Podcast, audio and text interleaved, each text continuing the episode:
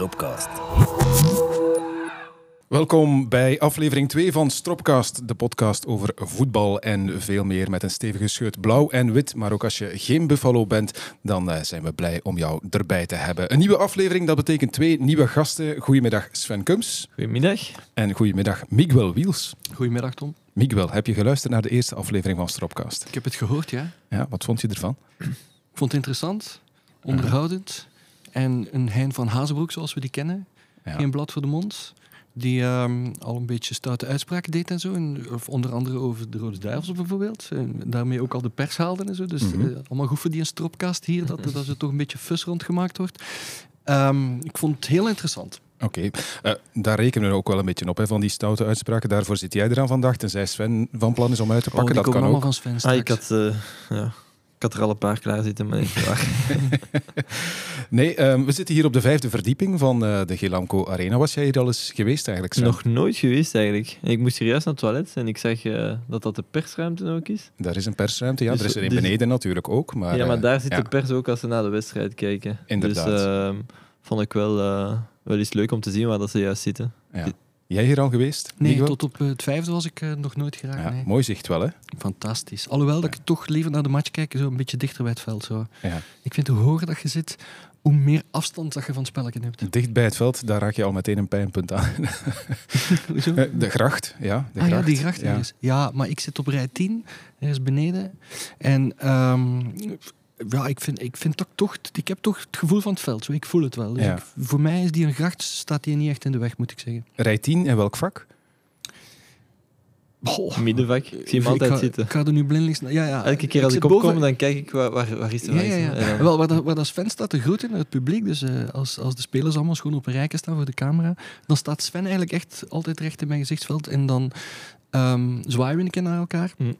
En dan hoop ik altijd dat hem dat stimuleert om de goede match te spelen. Oké, mis jij veel wedstrijden eigenlijk? Want jij, jij hebt een eh, zeer drukke agenda, kan ik me voorstellen. ik mis af en toe wedstrijden, maar ehm, ik doe ook heel erg mijn best om, er, om erbij te zijn. In die zin dat als ik het kan regelen, als ik mijn optreden een uur vroeger of later kan leggen, dat ik het altijd zal doen als A-agent een wedstrijd speelt. Mhm. Ik probeer ook heel vaak mee te gaan op verplaatsing. Mag zelfs naar Eupen zijn. Eh, daar ben ik ook al geweest. Ik vind eh, lange afstanden ook niet zo'n niet zo'n probleem. Ik vind het gewoon heel fijn om die, om, die, om die ploeg te volgen. En dus als ik kan, dan ben ik er graag bij. Met één grote uitzondering van alle Champions League matchen hier ooit gespeeld. Ook met Sven nog in het jaar 2015 of 16. Die heb Mhm. ik allemaal gemist Hoe komt dat? omdat ik op dat moment net aan het toeren was met Paul de Leeuw in Nederland. En ik elke keer op een of ander eh, podium van een theater in een Nederlandse stad stond. En ik die match eigenlijk echt, zonder zever, terwijl dat de show bezig was, op een iPad aan het volgen was. Terwijl dat ik Echt? aan het spelen Ja, dat was. doe je toch kei vaak. Ja. Ja. Want hij zegt missen, maar hij- dan bedoelt hem in het stadion. Ja, ja, ja, ja. Op, op zijn gsm of op zijn iPad zit je wel te kijken. Ja, ja, dan zit ik wel te kijken. Dus het is echt vaak gebeurd dat ik met Paul de Leeuw een liedje aan het spelen was, dat hij dacht dat ik op mijn iPad de partituren aan het volgen was, maar dat ik eigenlijk naar het doelpunt van Sven Kums aan het kijken was.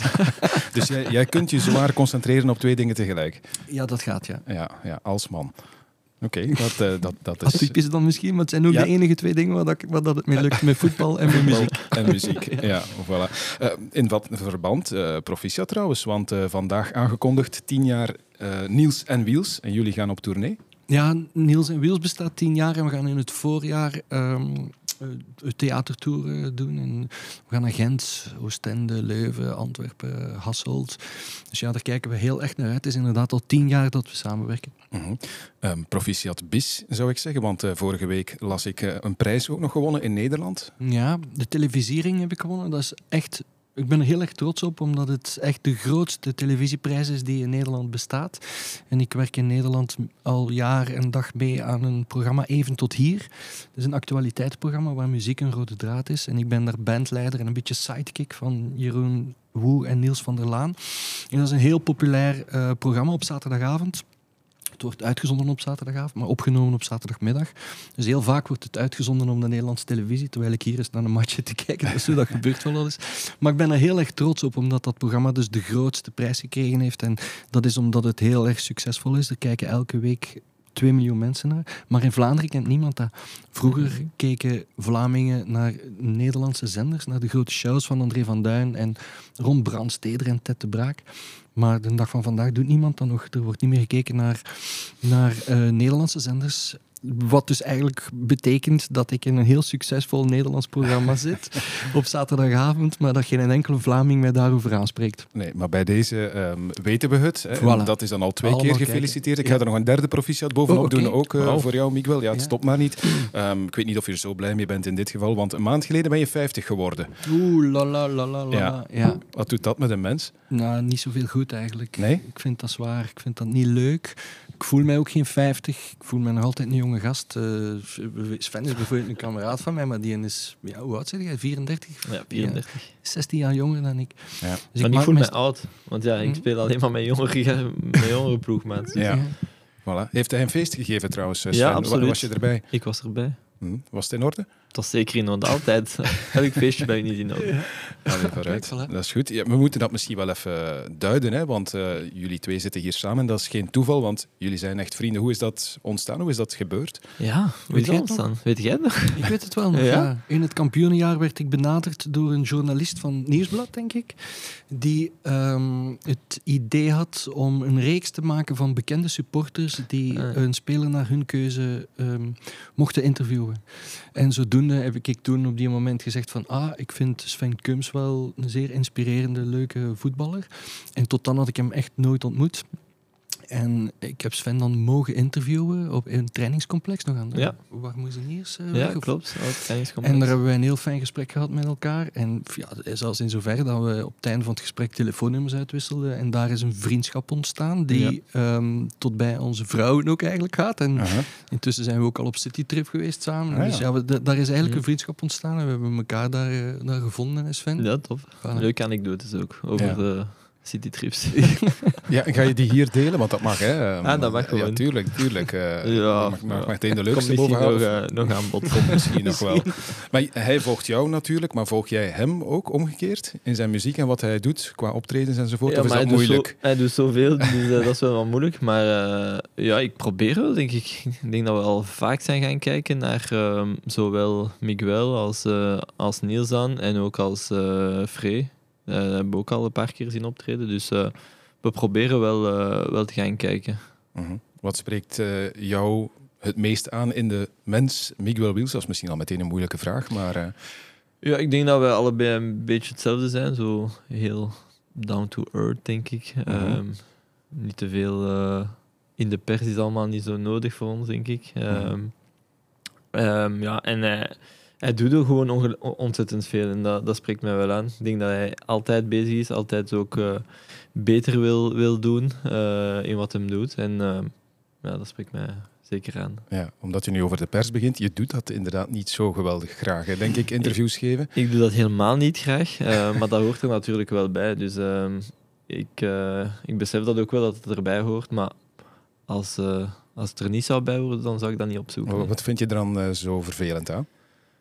Ja, niks vervelends, maar ja, ik kom liever niet zo, niet zo heel veel in de pers. Dus, Mhm. ehm, Mhm. Dus niet dat je de vragen per se vervelend vindt, maar eerder, het hoeft niet per se over jou te gaan. Het is, het is dat wat je wil zeggen? Of? ja, klopt, allebei eigenlijk. Eh, het hoeft niet per se over mij te gaan en ook de vragen, ehm, ja, vaak komen dezelfde vragen terug. Mhm. Dus ehm, Zeker als je 34 bent, dan, is heb je de meeste Dus, vragen eh, wel al gekregen. Klopt. Ik, ken- ik ken iemand eh, die me nog met mij heeft gespeeld, eh, Nana Hazard, die deed het helemaal niet. Dus eh, die zei gewoon van nee, ik, ik doe het niet. Ja. Ehm, vind ik dan ook weer eh, een beetje overdreven. Ik denk dat, dat het er gewoon bij hoort. En ehm, als die vraag gesteld wordt, dan, eh, ja, dan, dan kijk ik wel wat doe ik en wat doe ik niet. Maar ehm, het zal nooit mijn favoriete deel zijn van het vak. Ja, en nu ben ik er om jou Ja, aan te sporen mij om dat uitgenodigd, soort, eh, geweldig. dat soort dingen. En dan zit je hier ook nog eens. Maar het is, het is met eh, Miguel, dus eh, ik hoop dat je dit toch, Ja, ja toch fijn absoluut. hè. gaat, dat, eh, is, eh, gaat vinden. Hè. dat heb ik direct Ehm, toegezegd. Voilà. Als je naar een wedstrijd kijkt eh, van, eh van A-agent, beste Miguel, kun je Sven dan nog objectief beoordelen? Want ja, hij Ja. is zoals je zegt een, een vriend. Hè? En zeg je het hem ook als hij een slechte match gespeeld heeft? Ja, maar wie ben ik om te gaan oordelen of Sven een goede of een slechte match gespeeld heeft. Ik pretendeer niet dat ik genoeg van voetbal ken om dat, om dat te analyseren. Maar ik geef hem wel graag feedback. En, en eh, wat ik vooral graag doe, is als ze een keer verloren hebben of zo, dan probeer ik wel de eerste te zijn die hem toch een sms'je stuurt. Zo van, nou, kom aan, kop op, volgende week is het weer beter. Wat ik ook soms zie, is... Um, is uh, dat hem soms wel loopt te zagen op de arbiter of zo. Dan geef ik hem ook wel altijd een sms achteraf van Kumske, dat je toezwijgt. En dat kan ik ook al in de tribune. Het is soms ook nodig, hè? Ja, ja. Ja, maar hij heeft soms ook al hele kaarten gepakt dat ik dan in die tribune zit. Dat ik denk van, Molles, fans, weg nu toch niet keer. En omdat ik ook weet dat dat toch een beetje in hem zit. En ik zie het ook vaak als hij interviews doet na de match. Als hem dan uh, een beetje miscontent is, of, uh, dan kan ik het wel lezen in zijn gezicht. En dan denk Ja. ik altijd zo van, oeh, Ja, dat is Sven, pas op wat hij gezegd. Ja. Dat is echt zot, want hij, stuurt mij dan een bericht en dan zegt hem zo van... eh, je leek niet zo, niet zo happy te zijn of zo. Terwijl de andere mensen dat niet zouden zien en dan dat hij dat wel ziet. En dan, Ja. Dan stuurt hij mij een bericht en dan denk ik, ja, dat klopt. ja, hij kent jou ondertussen eh, goed. Hè? Is hij ja, jouw favoriete speler ook qua, qua voetbal? Ik denk dat Bezos zijn favoriete speler was. Nee? Nee, ah, nee, nee, dat was van. Wolf. Wolf, mijn Ja, zoon, ja, die Ja, was echt gek op Bezos. Ehm, ja, ja, absoluut wel. Ja. Als, ik, als ik dan terugkijk naar mijn eigen eh, jeugd. Ik heb altijd op de plek gespeeld waar Sven speelt. Ik was ook altijd een zo'n controlerende middenvelder. Ik vind dat eigenlijk ook de meest ehm, aantrekkelijke plaats. Als je daar staat, dan moet je al een intelligente voetballer zijn. Ja. En ehm, dus in die zin, ehm, ja, volg ik hem, dan volg ik hem wel daarin. Ja, dat is, de, dat is feit. Het is ook echt mijn favoriete speler. Ja. Maar Ik je was ook blij dus, dat hij eh, terugkwam toen dat hij na ja. zijn omzwerving naar... Ja, dat eh, ging ik ook nog vragen. Ben je dan eh, lastig als hij inderdaad voor een andere club kiest? Nee, nee, Nee. Als hij morgen naar een andere club gaat, dan ga ik met heel veel plezier ook naar hem kijken bij een andere club. Als hij agent dan niet speelt. maar ehm, nee, nee, nee, nee. Ik, ben, ik, ben, ik snap ook dat hij in der tijd, toen hij hier al die successen beleefd had en de gouden schoen gekregen had, dat het misschien tijd was voor iets anders. Ik vond het zelfs een slimme beslissing om dat te doen. Dus hij moet natuurlijk ook het beste van zijn carrière maken. Mhm. En dat loopt niet altijd gelijk met de belangen van de club natuurlijk. Ja. En daarom vond ik het zeer slim en zeer eh, intelligent van hem dat hij, dat hij die stap waagde naar het buitenland. Dat hij terugkwam naar Anderlecht. Maar ik was wel blij als hij mij op een bepaalde dag, op een namiddag, belde. Ik ben onderweg naar de Gelamco en ik, ga, eh, ik kom terug naar agent. Ik wist het iets sneller dan, Ja. dan dat het in de pers verscheen.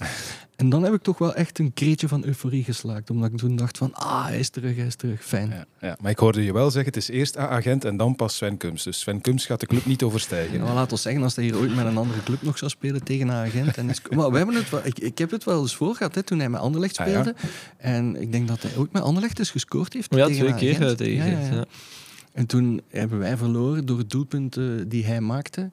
En dan, ja, dan plaagt hij mij daar wel een beetje mee. Zo, maar ik, ik, ik, ik verlies dan liever door een goal die hij maakte dan door een goal die iemand anders maakt. Ja, oké.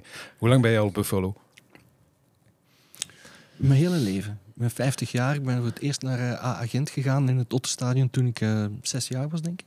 Mijn vader was eh, autoverkoper en die werkte in de SIAC. En de SIAC sponsorde A-agent. En je kan je dat nu niet meer voorstellen, maar toen reed er echt een auto voor de wedstrijd. En tijdens de rust van de wedstrijd reed hij rond het veld, helemaal rond. En dat was mijn vader.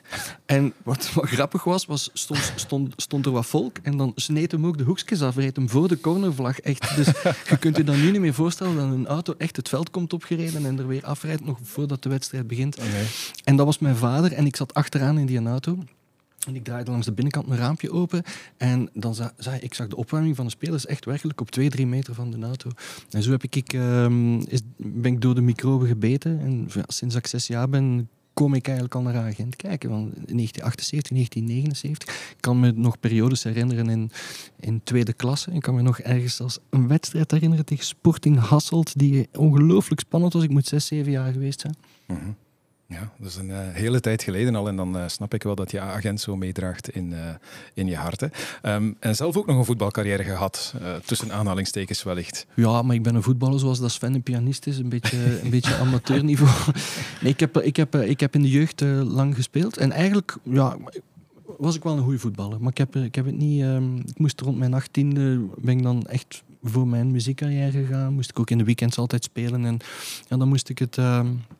moest ik het een beetje opgeven. Dan moest ik drie keer in de week gaan trainen. En zo. Maar ik heb zowel nog in de Oost-Vlaamse selecties gespeeld en in mijn jeugd. Ik zeg het altijd op de plek van Sven. En dan heb ik de draad wel, wel weer opgepikt. Toen ik 30 jaar was, ben ik weer bij de veteranen van uh, Dynamo Beervelde gaan spelen. en uh, dan ben ik uh, zo zachtjes aan naar de linkerflank gegaan. Ja.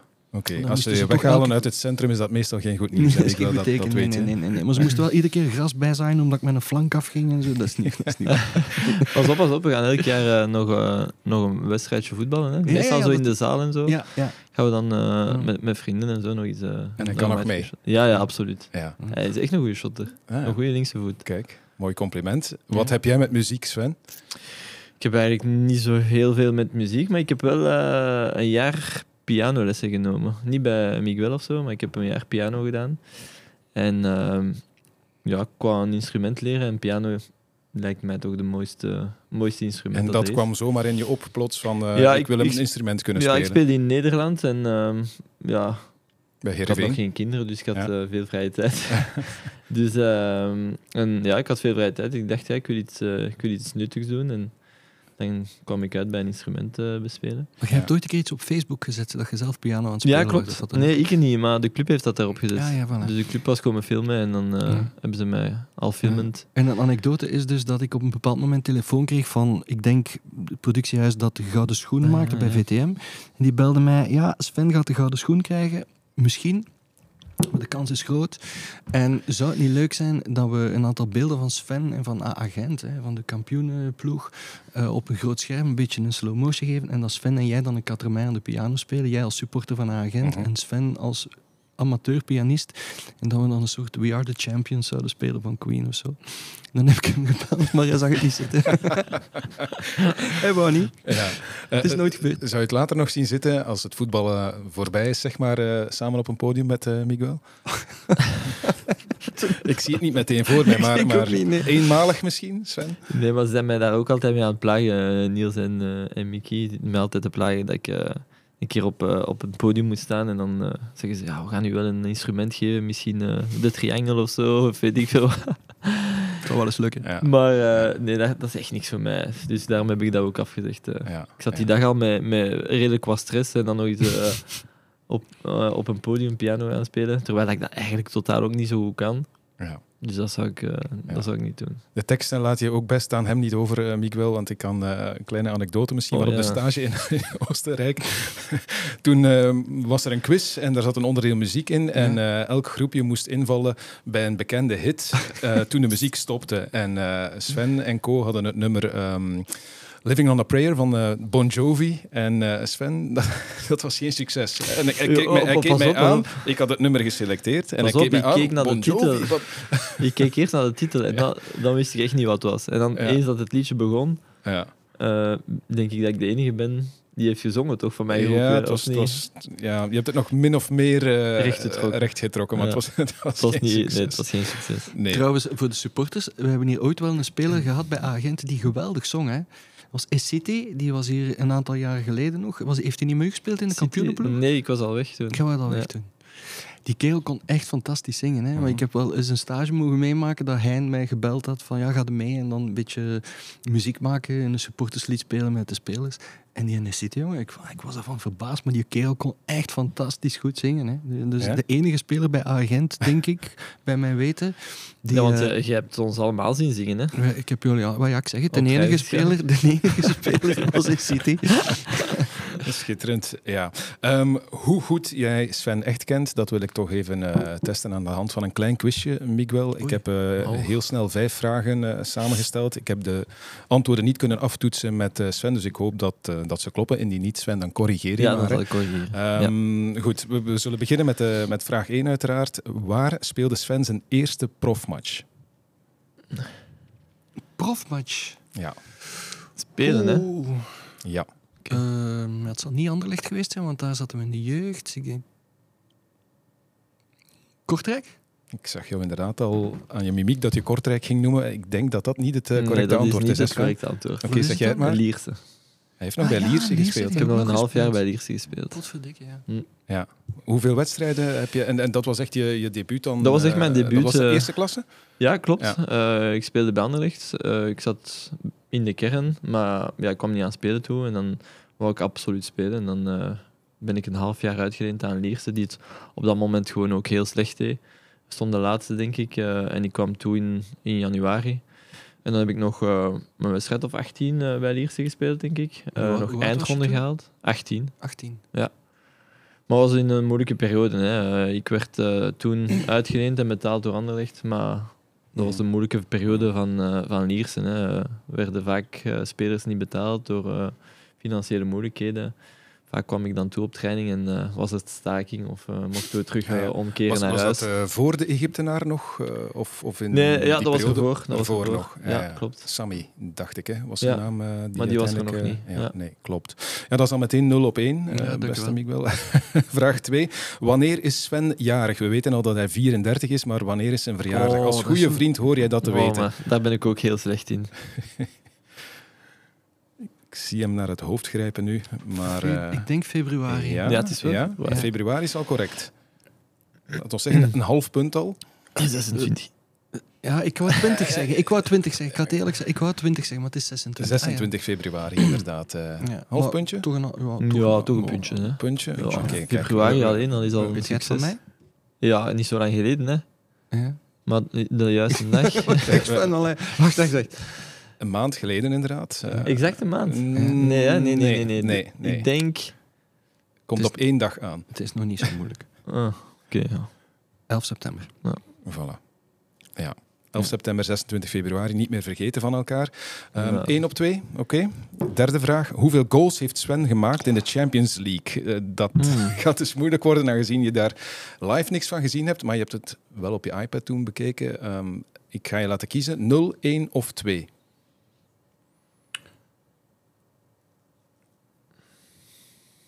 Hij heeft trouwens twee Champions League campagnes gespeeld. Hè? Eén met A-agent en Ja. één met Anderlecht. Maar die met Anderlecht was dat die match op Bayern München. Dan had hij niet gescoord. die was erop gedaan. Ehm, ik gok eh één. Fout. Het zijn er twee. Zijn er Heb twee? je er twee gemaakt? Ja. Ah, twee in. Gent ook. Ah, Oké, Valencia. Valencia penalty en eh, Wolfsburg heb ik ook nog Ah, gemaakt. Wolfsburg, dat zou ik Ja. vergeten zijn. Ja, Oké, sorry. maar één Oké. op drie. Eén op drie, maar gewoon niet eh, het kan nog, het kan nog. Ehm, hoeveel rechtstreekse rode kaarten, rechtstreekse rode kaarten heeft eh, Sven in zijn carrière van 608 profmatchen intussen gekregen? Het antwoord valt opnieuw te kiezen tussen 0, 1 en 2. Ik weet zeker van één. Ja, die heb je daarnet al genoemd, Ja, Bayern voilà, München. Bayern München. Ik denk één. Ik, Sven is geen vuile speler. Het zijn er twee. Zijn Het er zijn twee? er twee, Ja. ja. waar heb je nog een rode kaart? Bij en op, Zultuari. eh, op standaard. Ah, Een een match ook met veel rode kaarten, denk ik. Drie of vier zelfs. ja. Ja. Maar ja, ik ben- Ja. val hier volledig door de man. Sowieso al gebuist eigenlijk met, Ja. 1 op 4. Maar het waren inderdaad vier, eh, ja, die twee, twee rode kaarten. Die ene herinnert iedereen zich nog inderdaad hè, op Bayern München, waar, man, eh, waar naar tv te kijken. René Weiler jou zwaar centraal in de defensie gezet had, Ja, Sven. Dat ja. was jou nog niet eh, vaak overkomen. Mijn hè? vrouw, die zegt nog altijd, die dag was alles groot. Alles was groot. Dus eh, ze was komen kijken in Bayern München. Het stadion was volledig groot, want ik denk dat het de juiste opening was of zo van, van het nieuwe stadion, als ik me niet vergis. Of toch dat seizoen. Ja, iedereen was in eh, rood ge- ge- gekleed. En Ja, dan na, je hebt na goed meegedaan. 15 minuten of zo, up rood. Ja, een kwartier heeft het geduurd inderdaad. Ik wil wel eens weten, Sven, als je dan... Ik je- moet wel je zeggen, moet- daarna viel, viel, allee, viel de defensie helemaal stil. Hè. Ja. Pas daarna, hè? Het was ook op Bayern München met 10 tegen 11. Want ik wil nou wel eens weten, als je dan inderdaad naar Bayern moet, eh, je weet op voorhand dat het daar zeer moeilijk zal worden. En je krijgt dan te horen, Sven, ja, jij gaat vandaag centraal in de defensie staan. Wat, wat denk je dan? Ja, wat denk je dan? Eh, ik moet zeggen, de, de wedstrijden ervoor was ik niet geselecteerd. Ehm, dus eh, ik was ook allee, ik had ook geen. Ik dacht ook gewoon dat ik niet, niet meeging naar, eh, naar Bayern München. En dan eh, werd mij toch gezegd van ja, ga toch meegaan. Ehm, dus ik was al blij dat ik mee was. En dan de dag ervoor, denk ik, in de lobby van het hotel, werd mij dan ook eh, meegedeeld dat ik eh, centraal van achter ging, eh, ging staan. Dus ook niet op geoefend of zo. En dat was, eh, Ah ja, het dat was het moeilijke eraan. Ik denk eh, op zich, eh, het idee erachter had nog kunnen werken, denk ik. Ehm, alleen ja, dat er niet op geoefend is, is... eh, Ja, maar dan krap je toch eh, serieus in je haren, denk ik, als je dat hoort. Ja, natuurlijk. Ik had dat ook nooit gespeeld, buiten bij de jeugd een beetje, bij de reserve van Anderlecht. Maar natuurlijk, dat was, was helemaal anders. Soms bij de reserve speelde ik mee op, op het middenveld met Zetterberg, Bassejo en, eh, en Van der Hagen bij wijze van spreken. En moest ik li- libero staan, dus ja, heel veel moest ik daar niet doen. Maar nu was natuurlijk direct een wedstrijd van Champions League niveau, eh, tegen Lewandowski ook Mhm. nog. Mhm. Dus ik denk dat het de fout was dat we er ook niet op getraind hebben. En, ehm, maar op zich het idee, ja, het had kunnen werken. Dus, eh. Ja. Was het terecht rood, toch? Hè? Ja, hè? Denk het wel. was Het was, eh, ja, het was een beetje aan, aan de arm gaan hangen. Hij, hij speelde het wel slim ook, denk Ja. ik. Ja, Maar het was ook een spits van wereldniveau, dus ja. ja. Ja. Klopt. Ik denk dat als je op eh, transfermarkt gaat kijken, dat er tussen haakjes bij staat bij die rode kaart noodrem. Mm, Ah ja, ja. Ja. Maar ja, dat is het ook. Hè. In het middenveld kun je aan de noodrem een keer gaan hangen. Hè. Ja, En wat ga je dan dan, krijg je krijgen? Dan krijg je geel of, of misschien geen kaart. Ja, Maar van achter eh, nee. is het Uiteindelijk viel de schade nog mee, denk ik, want het was, het was was 3-0. 3-0? Nee, 2-1 denk ik daar. 1-2 Gent, 2-1? volgens mij. Ja. Ah, Dus viel echt nog goed mee. Ze hebben dat echt nog uh, keigoed gedaan. Oké. Dus het viel Dan, toch eh, niet zo dan hard. eh, het- mee, ik het niet mee, zo hard inderdaad. gemist van achter. Nee. Nog één eh, vraag voor jou. Deze zo. ga je wel weten, denk ik. Ah. In welke film is Sven te Ah, zien? ja. ja, dat weet ik wel, ja. Eh, die kampioenenfilm, hè. Ja, maar de titel, moet ik de titel van die film Goh, we zullen Oh, de- mild zijn. Hè. De laatste film van de FC De Kampioenen, dat De weet kampioenen 4. ik. En het- Iets met Boma. Boma Viva Boma. Viva Boma, ja. En het grappige is dat hij als Anderlecht-speler erin komt, maar intussen al bij agent zat, hè. Op het moment dat hij een film Ah, in dat de, hem in eh, de er was. Ja, dat zou misschien wel kunnen. Ja, ja, ja. Ja. Ja. Ja. Een beetje Maar jij- speelt er ook in mee, hè? Ik speel er zelf Ah, ook in mee. Het is mij dat ik het weet. Kijk, dat wist ik dan weer niet. Voilà. Nee, eh, eh, ja, je moest gewoon jezelf spelen. Of heb je ook iets moeten zeggen in die film? Ik herinner het mezelf niet meer hoor. Eh, ja, ik heb de volle twee zinnen gedaan, denk ik. Hoofdrol. Maar ik vond het wel goed wat je gedaan hebt. Zeer goed. Eh, ja. ik moest me gewoon mezelf spelen. Ik kwam buiten van, eh, van training en dan kwam ik eh, Ronaldinho tegen, die eh, bij Anderlecht in komen voetballen. En moest ik een beetje arrogant overkomen. Ja, Op het lijf Ronaldinho geschreven Op het lijf geschreven. in de persoon van eh, Niels de Stadsbader, neem ik Ja, aan. En niet degene die hier onlangs nog eh, bij ons over de vloer Nee, nee, geweest nee, is. den die, Ja. ja. Die dag eh, waar dat ik mee moest doen, is nog gans uitgesteld geweest. Ik weet niet of dat jij daar nog iets van weet. Laat ons zeggen Ja. dat als je, als je het ziet, dat hij gelijk heeft dat hij voetballer gebleven is en geen een acteur geworden. Ja. Pianist, acteur, daar moet hij het allemaal niet gaan zoeken na zijn carrière. Nee. Nee, nee, Pas op, nee, ik had nee. graag zanger geworden. Hè. Zo. Zanger? Ja. ja, ik had dat echt graag geworden, maar ik heb geen talent. Ja, ja, dat is niet eh, iedereen gegeven, Nee, inderdaad. klopt. Eh, nee, je gaat het er- ergens anders moeten zoeken, Sven. Goed, Hm. laten we eens eh, het wat hebben over het huidige seizoen. Dat elf speeldagen ver is. We zijn eigenlijk één dag na de wedstrijd op Eupen, 0-4. Je was er niet bij, Sven. Nee, klopt. ik heb last aan de knie, dus ehm hebben we gekozen om, om wat voorzichtig te zijn. Gewoon een beetje rust. eh, meer is niet nodig? Of, eh, Eh, ja, het is afwachten wat de scan geeft morgen, dus we gaan zien of er misschien toch iets anders is of dat het een oude blessure is die wat opspeelt en dat wat rust nodig heeft. ja. Hoe heb je dan de match gevolgd? Ik heb op tv gevolgd met de kinderen, Ja, gewoon gekeken. oké. Ehm, het was wel fijn om eens te winnen. En dan nog met 0-4. Het was nodig, hè, denk ik. Ja, klopt. En eh, ik denk dat het een goede wedstrijd was. Ehm, iedereen was zeer eh, geconcentreerd. Ehm, en er werd ook eh, efficiënt omgesprongen met de kansen. Ik denk Ja. zowel defensief als offensief waren we vrij efficiënt. Ik denk, we hebben niet zo heel veel kansen gecreëerd, maar de kansen die we gecreëerd hebben waren wel, waren wel binnen. En eigenlijk hebben we bijna niks, eh, niks weggegeven. Ja, ik heb het eens nagekeken. Het was van alle officiële wedstrijden die er al geweest zijn dit seizoen de eerste waar je niet bij was of Ja, waar klopt. je niet aan de aftrap stond. Ehm, verteer je dat nog allemaal even goed eh, op je 34ste? We gaan daar niet te veel over eh, zeuren, over die leeftijd. Maar eh, goed, het is wel zo. Ja, nee, ik verteer het eigenlijk wel heel goed. Ehm, op fys- fysisch niveau ben ik gewoon, ehm, ja, voel ik mij gewoon fris. Eh, ik denk ook als je een, een eh, trainingskamp kunt overleven met, eh, met onze trainer, dan dat je het gewoon nog, nog goed doet en dat je je fysiek nog, nog goed voelt. Dus ehm, eigenlijk heb ik daar geen problemen mee. Ja. Alleen heb ik soms wel eens kleine blessuren. Of, Ja. het, is, het is ook niet alleen meer voetbal. Je bent vader ondertussen al. Hoeveel kinderen heb je? Ik heb twee kinderen, ja, Juliette en Arthur. En hoe oud zijn die? Nog jong, hè?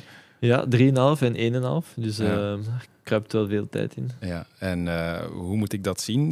jouw vaderrol, ben je daar inderdaad echt actief mee bezig ook, zodra je thuis komt?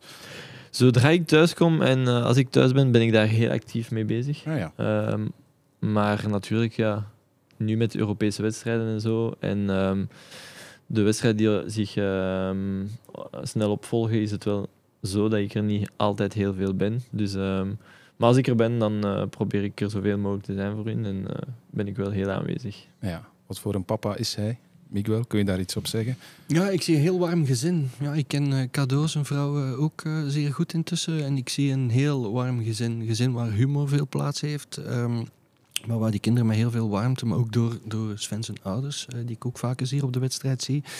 Um, vorige week nog uh, zag ik hier de hele familie met de kinderen die dan rondhossen.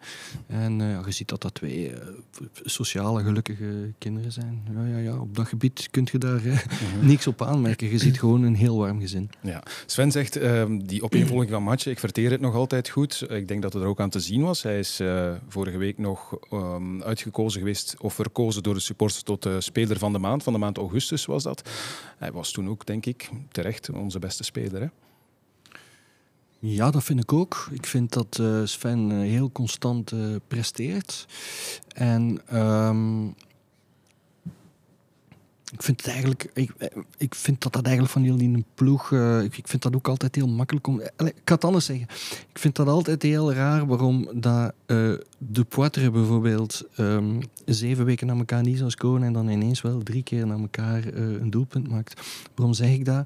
Ik, ik vind dat bijna normaal dat spelers mindere periodes hebben en daar best niet te veel op afgerekend worden. Ik ken Erik Fiscaal, die ook nog een legende van -hmm. agent is. Ik heb met Erik Fiscaal wel eens over voetbal zitten praten. Dat Erik zei, ik scoorde soms twee maanden een stuk niet. En alles wat ik deed, dat ging niet binnen of was niet binnen het kader. Of die een keeper pakte dat en ik miste elke kans. En dan ineens maakte ik een frommelgoal met mijn scheenbeen of met mijn knieën, die zat binnen. En vanaf dan begon ik weer te scoren. Mhm. En, die zei van, en ineens was ik weer vertrokken voor tien goals in de weken die, daar, die daarop volgden. Dus het is sowieso al een heel raar beestje, vind ik. Voetbal en het vertrouwen van voetballers op een veld. En wat ik zie bij Sven is dat hij er precies heel weinig last van heeft. En dat hij gewoon um, binnen die ploeg, waar sommige spelers af en toe wel eens zonder vertrouwen aan het voetballen zijn, dat Sven wel de constante factor in dat elftal is uh, dit seizoen. Ja. Mm -hmm. Speel jij Hein van Hazenbroek voor één keer. Je mag uh, je ideale middenveld samenstellen met de spelers die er nu zijn. uh, dus uh, ik heb het dan over Kums, Vadis, De Saar, Hong, Wuzu, Mar, Julsager. Ja. En laten we zeggen, je zet het centrale middenveld, hè, dus de drie. De drie, um, dan ga ik voor Sven, De Saar en, en Ojija. Ja. Ojija, ja. Dat is het middenveld van... van vorig seizoen eigenlijk, of ja, toch vaak. Dat op een bepaald ja. moment ook uh, enorm uh, beginnen draaien is. En dat vind ik... Uh, ja. ja. Maar ik, nog een keer, ik ben van Azenbroek niet. En ik snap ook dat je in een, in een, een club als agent, waar zoveel competities door elkaar heen lopen, hè, je hebt die Conference League, je hebt de competitie, dat je natuurlijk meer dan die drie spelers nodig hebt. Want ik zie Hong ook wel als een goede voetballer. Dus ik denk dat het heel slim is om verschillende opties te hebben op, uh, op, uh, op diezelfde plekken. Maar als ik het moet zeggen, dan is het uh, Sven, De Saar en Ojija. Dus de trainer Miguel Wiels zet Hong op de bank. Ja. Hij heeft wel gisteren twee topgoals gemaakt. Hè? Ja, Iedereen is vol lof. Hè? En, en jij passeert hem. Ja, dat, uh, je ja, gaat dan meteen ruzie heb, krijgen met de fans. Hè? Ja, het zou best kunnen. Ik vind dat... Kijk, je kunt dat... Je kunt dat uh, ik, vind, ik vind Sven op zijn... Uh, ik vind dat Sven ongelooflijk goed draait. Ik vind dat Sven een beetje de motor van de club is. Van de ploeg is, sorry. En ik heb ook wel gemerkt vind ik de eerste maanden nu dat we zonder Julien de Saar speelden, dat je toch ergens die factor naast, naast Sven mist. En Vadis vind ik op een of andere manier toch nog onberekend geniaal soms. En ik vind dat je die eigenlijk ja, altijd in je ploeg moet, uh, moet opstellen. Ja. Voilà. Maar als een ja. van de drie wat minder presteert, dan zit ja. Hong klaar om uh, in te vallen. Hè. Ja. Voor jou is het moeilijker om die vraag te beantwoorden, denk ik, hè Sven? Ja, ik denk dat, dat wij zoveel goede middenvelders hebben dat, dat het eigenlijk gemakkelijk is om, uh, om te wisselen. Ik denk dat je dat gisteren ook zag. We spreken over Hong, maar Owuzu bijvoorbeeld had eigenlijk nog weinig gespeeld en die speelde gewoon een goede wedstrijd. Mm -hmm. Dus uh, Hulsager ook. Uh, de laatste, laatste weken weinig gespeeld, maar gisteren wel twee assists. Dus ik denk dat wij in het middenveld eigenlijk wel heel veel keuze hebben, waar dat we op bepaalde andere plaatsen misschien wat minder keuze hebben. Mm -hmm. Maar uh, ik denk dat, dat eigenlijk iedereen die bij ons uh, op middenveld kan staan, zijn, zijn plek gewoon zou kunnen verdienen of uh, verdient. Dus. De, de, meeste kennen we al goed natuurlijk. Uh, Hong is er als laatste bijgekomen, Hongi. Vertel eens iets over hem, want ja, hij is nog een beetje een, een mysterie. Hè? Ja, ik zou zijn, wel zijn... anekdotes willen vertellen, maar hij is nogal timide. Dus, ja. dus dat wordt moeilijk, maar ik vind dat echt een ongelooflijk goede speler. Ja, ik snap echt uh, waarom Gent uh, die speler heeft gehaald, want dat is echt um, ja, een parel voor, uh, voor de toekomst. Ik weet niet hoe lang dat hij hier gaat zitten als hij mm. zo doorgaat, maar um, ik vind dat echt wel een hele intelligente, slimme voetballer. Um, speelt heel vaak in één hij... tijd ook. Hè? Ja, speelt heel vaak in één tijd. versnelt het spel, maar kan ook ja, op verschillende posities spelen, denk ik. gisteren ook weer wat hoger. scoort toch twee keer. dus kan ook scoren. Uh, loopt, loopt slim, uh, ziet het allemaal goed. Dus um, ik vind dat echt uh, een goede aankoop. Ja. ja. maar het is duidelijk dat we op middenveld natuurlijk dit seizoen niet in de problemen gaan geraken. Hè, mm. Want daar hebben we wel een overvloed aan goede spelers, dat is een feit. Oké, okay. en je gaat nu zeggen waar we wel in de problemen zitten. Stik? ja, ja, ja, ik vind... Ik, ik heb het gevoel soms dat we toch wel met wat te weinig weelde zitten op de flanken. Um, en als je ziet dat, zoals gisteren is Alessio uitgevallen. Ja. En ik ben daar al een beetje bang voor, want dan moeten we Nurio weer in de ploeg zetten. En um, ja, ik heb het gevoel dat we daar toch een beetje te weinig, um, te weinig kwaliteit hebben. Ja, een Wiels die eh, het, uh, het flankje afdraagt, uh, die, die kunnen we nog wel gebruiken. Nog wel willen proberen, er mag inderdaad niet te veel gebeuren, denk ik, nee, met, met onze mannen op de flank. En het is, het is nog maar de vraag hoe lang Alessio buiten strijd zal zijn. Laat ons ja. hopen vooral, vooral niet te lang. Hè. Um, Sven, jij bent vice-kapitein. Ja. Kapitein als Vadis niet aan de aftrap komt. Ben jij in de kleedkamer ook een roeper? Totaal niet eigenlijk. Ik uh, ben niet zo de kapitein die, die roept of zo. Ik toon liever het voorbeeld dan dat ik, uh, dan dat ik begin te roepen. Mm -hmm. Dus uh, dat heeft er nooit in gezeten. Het is er misschien, het is misschien al verbeterd, want vroeger was ik veel, ja, ook heel timide. Ik zou niet zeggen zoals Hong, maar toch, toch best wel wat timide. En mijn omzwerving naar Nederland heeft daar goed aan gedaan, want daar heb ik wel wat uh, meegemaakt dat ik uh, dacht van, uh, ja, ziet die spelers gewoon roepen op de trainer tijdens de training, gewoon om, om wedstrijden te, te winnen, wedstrijdjes en partijtjes te winnen op training. En dan begin je dat automatisch ook een beetje meer te doen. En, ehm, en ik denk dat dat mij wel heeft geholpen om verbaler te worden. Maar om mij nu ja. door geschreven in de kleedkamer, dat, dat, nee. dan moet er al veel ja, gebeuren, niet, denk ik. Het is natuurlijk ook niet door het schrijven dat je um, leiderschap afdwingt. autoriteit uh, ja. krijgt of leiderschap afdwingt, zoals je zegt. Het is um, inderdaad, zoals Sven het zegt, door te tonen dat je het moet doen. Nu, als ik al, als ik al een heel minuscuul puntje van kritiek heb op Sven, dan vind ik dat hij het op het veld zelfs nog iets meer zou mogen tonen. Ik kan mij soms kwaad maken om het feit dat er ergens een vrije trap voor ons moet gegeven worden en dat, dat Sven die bal niet gaat opeisen. Dan denk ik van, vriend, kom, je bent hier de leider van de, van de mhm. ploeg. Mhm. Ga daar naartoe. Mm-hmm. Die zegt, ja, maar ja, Alessio wou hem trappen. En ik zeg, ja, nee, jij zit de Maas. dat, is zo, dat is zo wat ik... Uh, ja. ja. ik vind dat hij dan nog veel meer zou moeten opeisen. Maar nog een keer, um, je dwingt uh, autoriteit af um, door te zijn wie dat je bent. En als, in het geval van Sven is dat door rustig te zijn. En ja, dat werkt ook. Hè. Ja, natuurlijk een halve minuut voor de aftrap zijn. Als je kapitein bent, dan vormen jullie een kring. Dan, ja, dan hè, wordt er ook nog wel iets gezegd. Vind je dan makkelijk de woorden? Um, makkelijk de woorden ik weet wat ik, wat ik ga zeggen. En, ja. uh, denk je daar voor, is vooraf zo... over na wat je dan gaat zeggen? Ja, of, of soms wel. Sommige wedstrijden denk ik daarover over na. Uh, wat de beste tactiek is om ze scherp te zetten. Uh -huh. natuurlijk uh, lukt dat niet altijd, eh, dat moet ik ook wel toegeven. Maar eh, soms denk ik erover na, soms niet. En soms komt het gewoon spontaan en is er ook niet meer veel te zeggen, omdat er al heel veel gezegd is in de week of net voor de wedstrijd in de kleedkamers of zo. dus voilà. Ja. Um, met wie, kun je dat zeggen, is, is de middenvelder, of wie is de middenvelder eh, liever met wie je de beste klik had ooit in je carrière? Wow, dat is moeilijk om te zeggen. Hè. Ik heb uh, met heel veel middenvelders samengespeeld in, uh, in mijn carrière. Dus uh, ik zou misschien wat on, oneerbiedig of zo mm -hmm. overkomen. Maar ja, ik denk dat iedereen dan mm, verwacht dat ik Neto zeg, omdat dat toch het kampioenjaar was en het jaar waar dat we ja, zo goed waren in de Champions League. Maar het was ook een tandem die ongelooflijk Het was inderdaad een, met, uh, Ja, klopt. Maar ik denk dat ik op dat moment toch wel meer tot mij recht kwam als iemand zoals Neto, een loper, echt een loper naast mij stond, die heel veel gaten opkuiste, denk ik. En dat heeft natuurlijk de Saar ook wel een beetje. Hè. Ja, dus iemand ik, ja. die die er een beetje op lijkt ook. Uh, met, met zijn uh, lange ballen die altijd uh, heel op maat zijn, wat Neto ook heeft.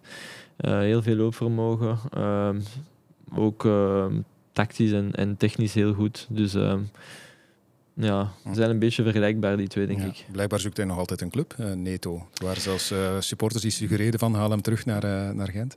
Ja, klopt. Ik denk dat dat een goede zaak zou zijn. Waarom niet? ik, ik weet natuurlijk niet hoe, hoe, fit hij is of zo, -huh. maar ja, het is natuurlijk wel een icoon hier, denk ik. Uh, de supporters hadden hem ongelooflijk graag. Dus, um, ja, en, en hij is ook een club, dus ik zou... Ja, als ik zie... Um, clubs, clubs doen het allemaal, denk ik. Uh, een oud speler terughalen voor, voor het tweede ploeg. Dus uh, ik zou dat...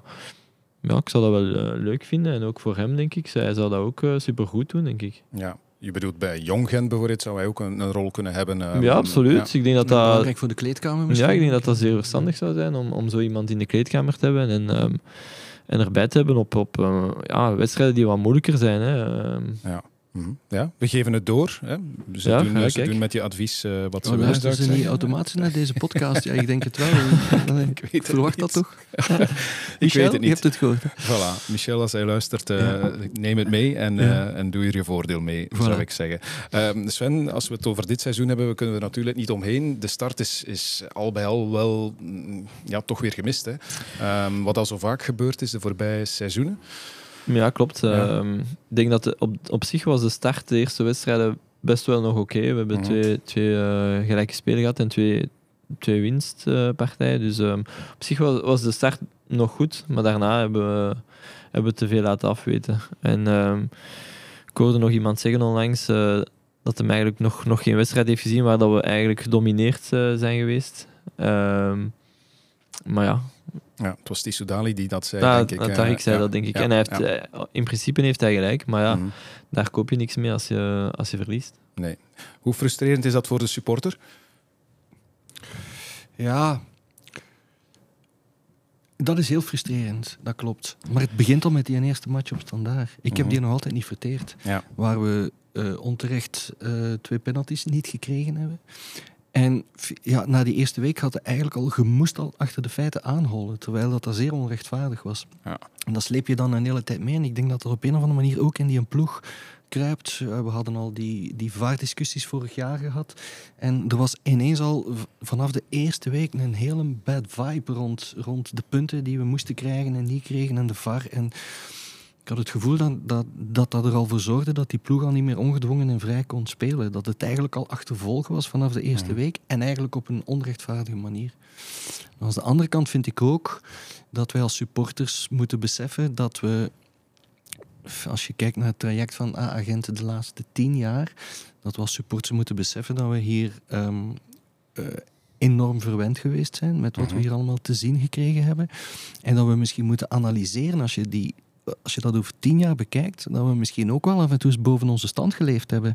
En dat um, Gent een club is die in de subtop kan meespelen in België, maar rekening houdende met de budgetten die er zijn, met de capaciteit van het stadion, um, met de competitie waarin wij spelen, met de kracht die een Club Brugge, een Antwerp heeft, een Racing Genk ook heeft, dat het voor ons um, best oké okay is om elk jaar voor de vierde en de vijfde plaats te spelen. Mm. Natuurlijk moet je altijd mikken op hoger, maar ik vind niet dat je um, teleurgesteld moet zijn als je die top drie niet haalt en dat we misschien onze verwachtingen van wat wij van onze club mogen verwachten, dat we dat soms af en toe gewoon eens moeten durven bijstellen. We zijn de laatste jaren met al die Europese campagnes tegen al die grote ploegen gigantisch verwend geweest.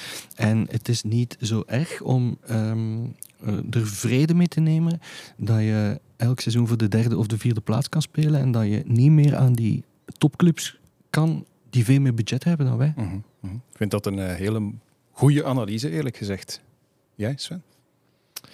Ja, natuurlijk. Ik ben, uh, ik ben speler. Ik wil natuurlijk uh, altijd hoogst haalbare.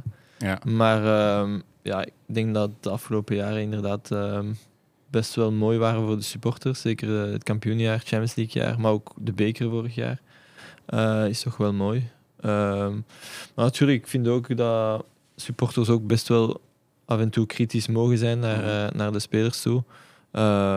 Ik denk dat dat alleen maar, maar goed is voor, voor het niveau van, van Gent. En zij willen dat de club uh, beter wordt en, en wij willen dat ook. Dus op zich uh, heb ik daar eigenlijk niet zoveel problemen mee. Maar ik vind het wel een ja. mooie analyse. Kritisch zijn, je maakt je automatisch het bruggetje naar uh, onze wortelbak. Ah, ja. staat hier weer. voor de kijkers die kunnen hem zien, de luisteraars die het principe nog niet kennen. We gaan het zo meteen nog eens uitleggen. J jullie kennen het? ik van de vorige podcast. Voilà. Ik heb dat stukje gemist, denk ik. Maar, ja. Maar Miguel gaat mij wel uitleggen. Want je zegt geen Gent. Nou, wortelen, weet Wortel is zagen, hè? Ja, ja, ja, dat zeggen wij ook. Ja. ja, zeg dus, maar dat je, subiet, ja, dat je het weet. Hè. We hebben een uh, doos op tafel staan met daarin uh, ja, een pak echte wortels, wortels. En uh, rond elk van die wortels zit een briefje. En daarop staat een, een, een, een, klacht, zeg maar, die ja, op de sociale media of waar dan ook te vinden is. Er zijn okay. er meestal genoeg. Dus ja. we, we, hebben ook nu weer de doos gevuld. Ja. Um, wie neemt er eentje uit? Uh, Als Sven, doe Maak het maar uit. Ja. Voilà. De wortel is getrokken, dus we gaan zo meteen horen, Sven, wat erop staat. We betalen een abo voor play-off 1, maar we gaan play-off 1 niet halen. Oei, ja, kijk, meteen over naar jou dan. Uh, Sven, gaan we play-off 1 nog halen? Je zou er de club een groot plezier mee doen. Maar ik denk dat het seizoen uh, nog lang is. Hè. Dus uh, ja. we hebben nog genoeg wedstrijden om play-off 1 te halen. En uiteindelijk, uiteraard gaan we altijd voor het hoogzaalbare. Dus play-off 1 was ons doel. Dus ik denk dat er nog genoeg wedstrijden zijn. we hebben dat vorig jaar ook gezien. Dat als we een race kunnen neerzetten, dat het snel kan gaan. Dus, mm-hmm. Uiteindelijk scheelt het ook maar vijf punten. Hè. Waar zijn we nu? We zijn nog niet eens door de eerste ronde heen. Het scheelt vijf punten. Waar zijn we over aan het praten? En op twee weken tijd kan, kan een klassement, een rangschikking er helemaal anders uitzien. Vind ik ook zo de waan van de week, ja. die je ook heel vaak bij analisten ziet. Hè. Als Gent twee keer wint, ja, dan is het weer echt een topploeg. Mm. Als je naar extra time kijkt op maandagavond, pas op, en dat zijn gasten die ik allemaal waarderen. En je kijkt ook altijd graag. En je bent zelf ook journalist, Tom, dus ik weet niet of, dat je, of dat je Geweest, lang, voelt, maar, ja. Nee, zeker maar, niet. De waan van de speeldag, ik heb het daar ook heel vaak ja, lastig mee gehad ja. uh, trouwens vroeger. En als, je, als je verliest, dan is het ineens een ploeg die niet meedraait met de top. En het, het gaat allemaal zo... Kijk nu naar, naar Anderlecht, hè. die gaan doorheen een heel moeilijke periode. Mm-hmm. Um, en dan zie je al die kritiek verschijnen. De kranten staan er vol van. En Mazou moet op de schop. En wat Verbeke daar doet, is allemaal niet goed meer. En, en, en en als ze nu twee, drie keer na elkaar winnen, dan zie je dat die hele manier van daarnaar te kijken echt weer helemaal omdraait. En dat is bij ons, bij Agent, niet anders. Dus we hebben nu gelukkig gewonnen op Eupen. We hebben ervoor een, een paar matchen verloren of gelijk gespeeld. En dan voel je dat er dan meteen een heel negatieve tendens komt, ook bij de supporters. Hè. En dat is een beetje de schuld van de kranten en van de, van de journalisten. Van, ja, het is niet goed genoeg van jaar. Mm -hmm. En als ze twee keer gaan winnen, en als we binnen een paar weken hier thuis winnen tegen Club Brugge, dan, ja. dan, zijn we weer, zijn we, dan zijn het allemaal weer de grote helden. En dan zal iedereen blij zijn dat hij al een ticket heeft voor play-off 1. Ja, het was Dave Peters, journalist bij Eleven, die het vorige week nog uh, tweette, dacht ik. Hij schreef... Um, het was na de overwinning van Club Brugge tegen Atletico Madrid. Mm -hmm. Toen de kranten terecht vol lof waren over ja. Karel Hoefkes, de coach ja. van Club. Ja. Die zei van ja, willen we, hè, nu we allemaal vol lof zijn over Karel Hoefkes, dit ook onthouden wanneer Club Brugge twee of drie keer na elkaar zal verloren hebben. Een paar weken geleden hebben ze Karel Hoefkes al een beetje in twijfel getrokken in de kranten. Mm -hmm. Toen had hij met Club Brugge een paar, paar mindere dus, matchen had gespeeld. Vrij in het begin van het seizoen. Vrij in het begin van het seizoen. En nu is hij de grote held. Ja, zo gaat, zo gaat het altijd. Zo gaat het altijd. En dat, dat stoort mij daar wel aan. En ik vind dat wij als supporters ons daar niet te veel mogen laten doorleiden. We zitten in de heenronde. We staan op vijf punten van play-off 1. Mm-hmm. We maken nog alle kans om daarbij te zitten. Als we twee, drie goede wedstrijden achter elkaar winnen. Ik zeg het nog een keer. Cruciaal is ook altijd die wedstrijden tegen Club Brugge en zo. Na die 6-1 vorig jaar Ja. heb ik niemand horen klagen. Hè. Dus ik denk dat supporters, eh, als het hier een paar weken aan elkaar goed gaat, dat supporters dan blij gaan zijn dat ze al een ticket hebben voor play-off. Ja, maar het gewortel, om, om daar concreet op terug te komen, gaat inderdaad over... Het is voor het eerst een, een nieuwe abonnementenformule geweest, Ah, met de play-offs Ah. inbegrepen. Eh, vroeger was het altijd, je kocht een abonnement voor de reguliere competitie en als Mhm. die afgelopen was, Mhm. dan kon je beslissen, koop ik nog een abo voor play-off 1, dan wel play-off 2. Het is Ja. nu twee jaar op rij play-off 2 geweest. Ja. Ehm, nu gaan we het moeten zien natuurlijk, hè, maar, maar daarover, dat, dat is vrij moeilijk gevallen, denk ik wel, bij veel supporters. Dat ze Ja. eigenlijk al moeten betalen voor de play-offs, niet wetende waar agent zal uitkomen. Snap je dat? Ja, dat snap ik wel. Langs de andere kant, als je dat dan weer positief bekijkt, de play-offs, eh play-off 1 is maar met vier ploegen. Dus wat play-off 2 eigenlijk per definitie aantrekkelijker maakt. Want dan krijg je daar ook grotere ploegen die met elkaar gaan eh, concurreren. Dus ehm, ja, ik denk in deze nieuwe formule dat play-off 2 ook niet eens onaantrekkelijk is om naar te Ja, je kijken. kunt perfect in play-off 2 zitten Voilà. met, ik zeg maar iets, Anderlecht, Standaard Voilà. en, en Leuven. Dat Of bedoel ik, ja. Union. Kan, Dat bedoel ik, ja. Ja, ja. begrijp je het, eh, dat dat eh, moeilijk is voor sommige mensen, Sven? Want oké, het gaat ook natuurlijk over, je betaalt een hogere som, omdat je voor het hele seizoen al betaalt in één keer. En je betaalt voor 20 matchen in plaats van voor 17. Dat is niet voor iedereen even gemakkelijk, ook dat speelt, speelt mee, denk ik. Hè. Nee, en ik begrijp dat ook wel. Hè. Ik denk dat veel mensen ook ehm, altijd de moeite doen om, om te komen kijken, ook met Mhm. hun kinderen en zo. Dus ik denk dat, dat, ja, dat ik dat wel begrijp. Ehm, dus ehm, ja. Ja. Ja. Je moet het ook Er een zijn- beetje kaderen. eh, sorry dat ik onderbreek. Nee, je nee, moet natuurlijk ook een beetje kaderen in, in mensen. eh, ehm, het zijn moeilijke tijden. Hè? Ja, klopt. Mensen betalen eh, zeer veel centen. Als je met je twee kinderen naar de voetbal wilt komen, dan ehm, ben je best veel geld kwijt. En als je ziet wat er allemaal, de onzekere tijden en met de energiefacturen en zo. Dus Ja. ik begrijp ook wel dat het voor mensen niet makkelijk is als je ziet dat voetbal alsmaar duurder wordt. En ehm, ik denk dat daar voor de club toch een taak is weggelegd om er in elk geval voor te zorgen dat het altijd zeer toegankelijk blijft. Ook voor mensen die het eh, minder breed hebben, dat die Mhm. kunnen komen kijken, Mhm. ook nog altijd naar de match. Ja. Je zou bijna, zijn- je zou bijna tickets loonafhankelijk moeten kunnen maken op een of andere manier. Ik weet dat dat... dat, dat Dat is nog een de- idee. Ja, Ja. ik weet dat dat bijna niet realiseerbaar is, of dat dat gewoon toekoor niet realiseerbaar is, maar, maar eh, ja, ik vind dat gewoon... eh, Je, moet, je hebt ook een maatschappelijke functie als club, vind ik. Dus je moet volgens mij als club er ook voor zorgen dat voetbal niet alleen is voor degenen die het zich kunnen permitteren. Miguel, je weet dat jij dan veel gaat betalen hè, voor je abonnement. Als ze het onafhankelijk maken. ja, met plezier. dan, ja. Maar kijk, Michel, Michel luistert dus Ja. mee. Hij, hij kan ook dit idee perfect meenemen in, eh, in de strategie voor, eh, voor de toekomst toe. Maar, maar er zijn inderdaad, denk ik, veel factoren eh, waarvoor, die, die ertoe leiden, om het zo te zeggen, dat het eh, stadion momenteel niet vol zit. Je hebt het wel nog vol meegemaakt hier, Sven. Hoe belangrijk is dat eh, voor een speler? De speler heeft altijd, eh, wil altijd dat het stadion vol zit. Ehm, dan presteert hij het beter, denk ik. Ehm, is hij meer eh, ja, gefocust op een of andere manier. Ehm, dus wij willen altijd dat het vol zit. Tuurlijk, zoals eh, Miguel zegt, zijn er op dit moment heel veel factoren waardoor dat het niet zo is. Ehm, Wij vinden dat uiteraard jammer, want eh, we willen dat het vol zit, maar ja, we begrijpen dat ook wel. Ja, Ja, want- mijn analyse is wel dat het, dat het, dat het ook een, een soort van kentering in de geesten moet zijn van de agent-supporter. Hè. Dat het, dat het, we, we zitten eigenlijk nog zo in een fase dat ja, het is niet meer zoals het een paar jaar geleden was.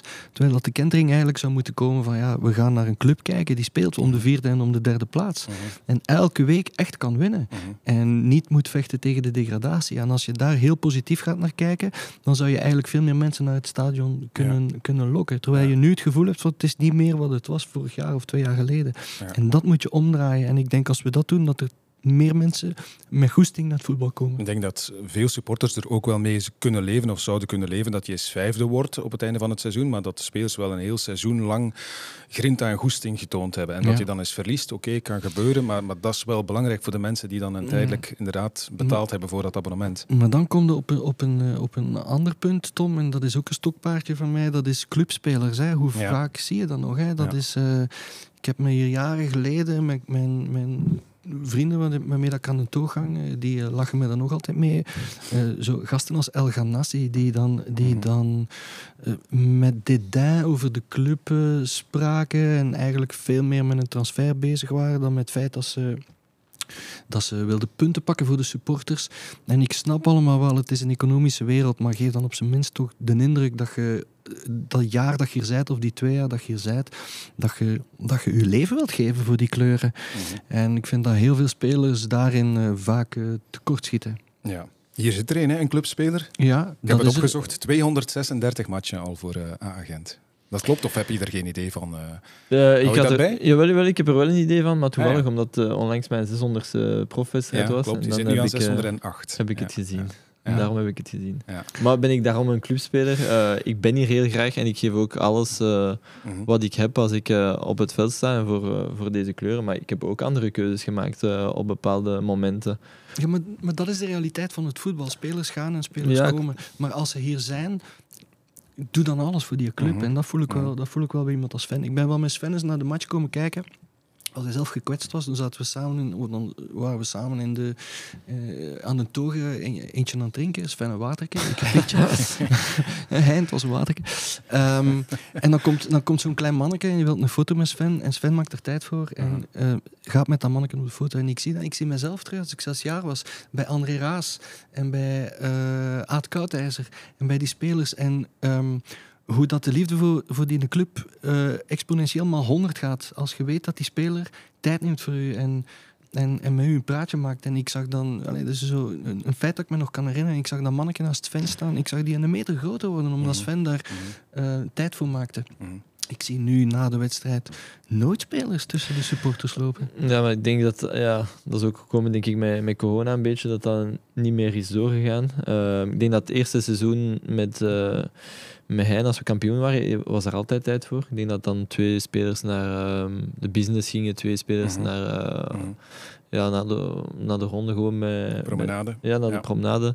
Ehm, dus daar werd heel veel uh, tijd voor gemaakt. Dan is corona gekomen en is daar minder uh, belang aan gehecht. Ja. Maar ja, wat ik hoorde is misschien dat dat wel zou terugkomen. Dus, ja. Uh, ja, ja, we zijn er al mee bezig. Ah, het is, voilà, het is sinds de vorige wedstrijd al, uh, alweer is begonnen. Al begonnen. Ja, dus, uh, hopelijk doe je dat liever, Sven, dan, uh, dan interviews geven. Ja, Tijd maken ook, voor de supporters. Dat doe ik liever, ja. ja, oké, okay, dat is goed. Um, heb je me ooit carrièreadvies gegeven eigenlijk? Want hij zegt daarnet, ja, ik heb ook andere keuzes gemaakt. Ik ben ook niet altijd maar bij Gent blijven spelen. heb je daar soms over onderling? Of... We hebben het er wel tussen? over gehad. Ja, Sven zal nooit aan mij gevraagd hebben, wat vind jij sportief een goede keuze? Omdat hij natuurlijk ja. weet dat hij dat zelf veel beter weet dan ik zelf.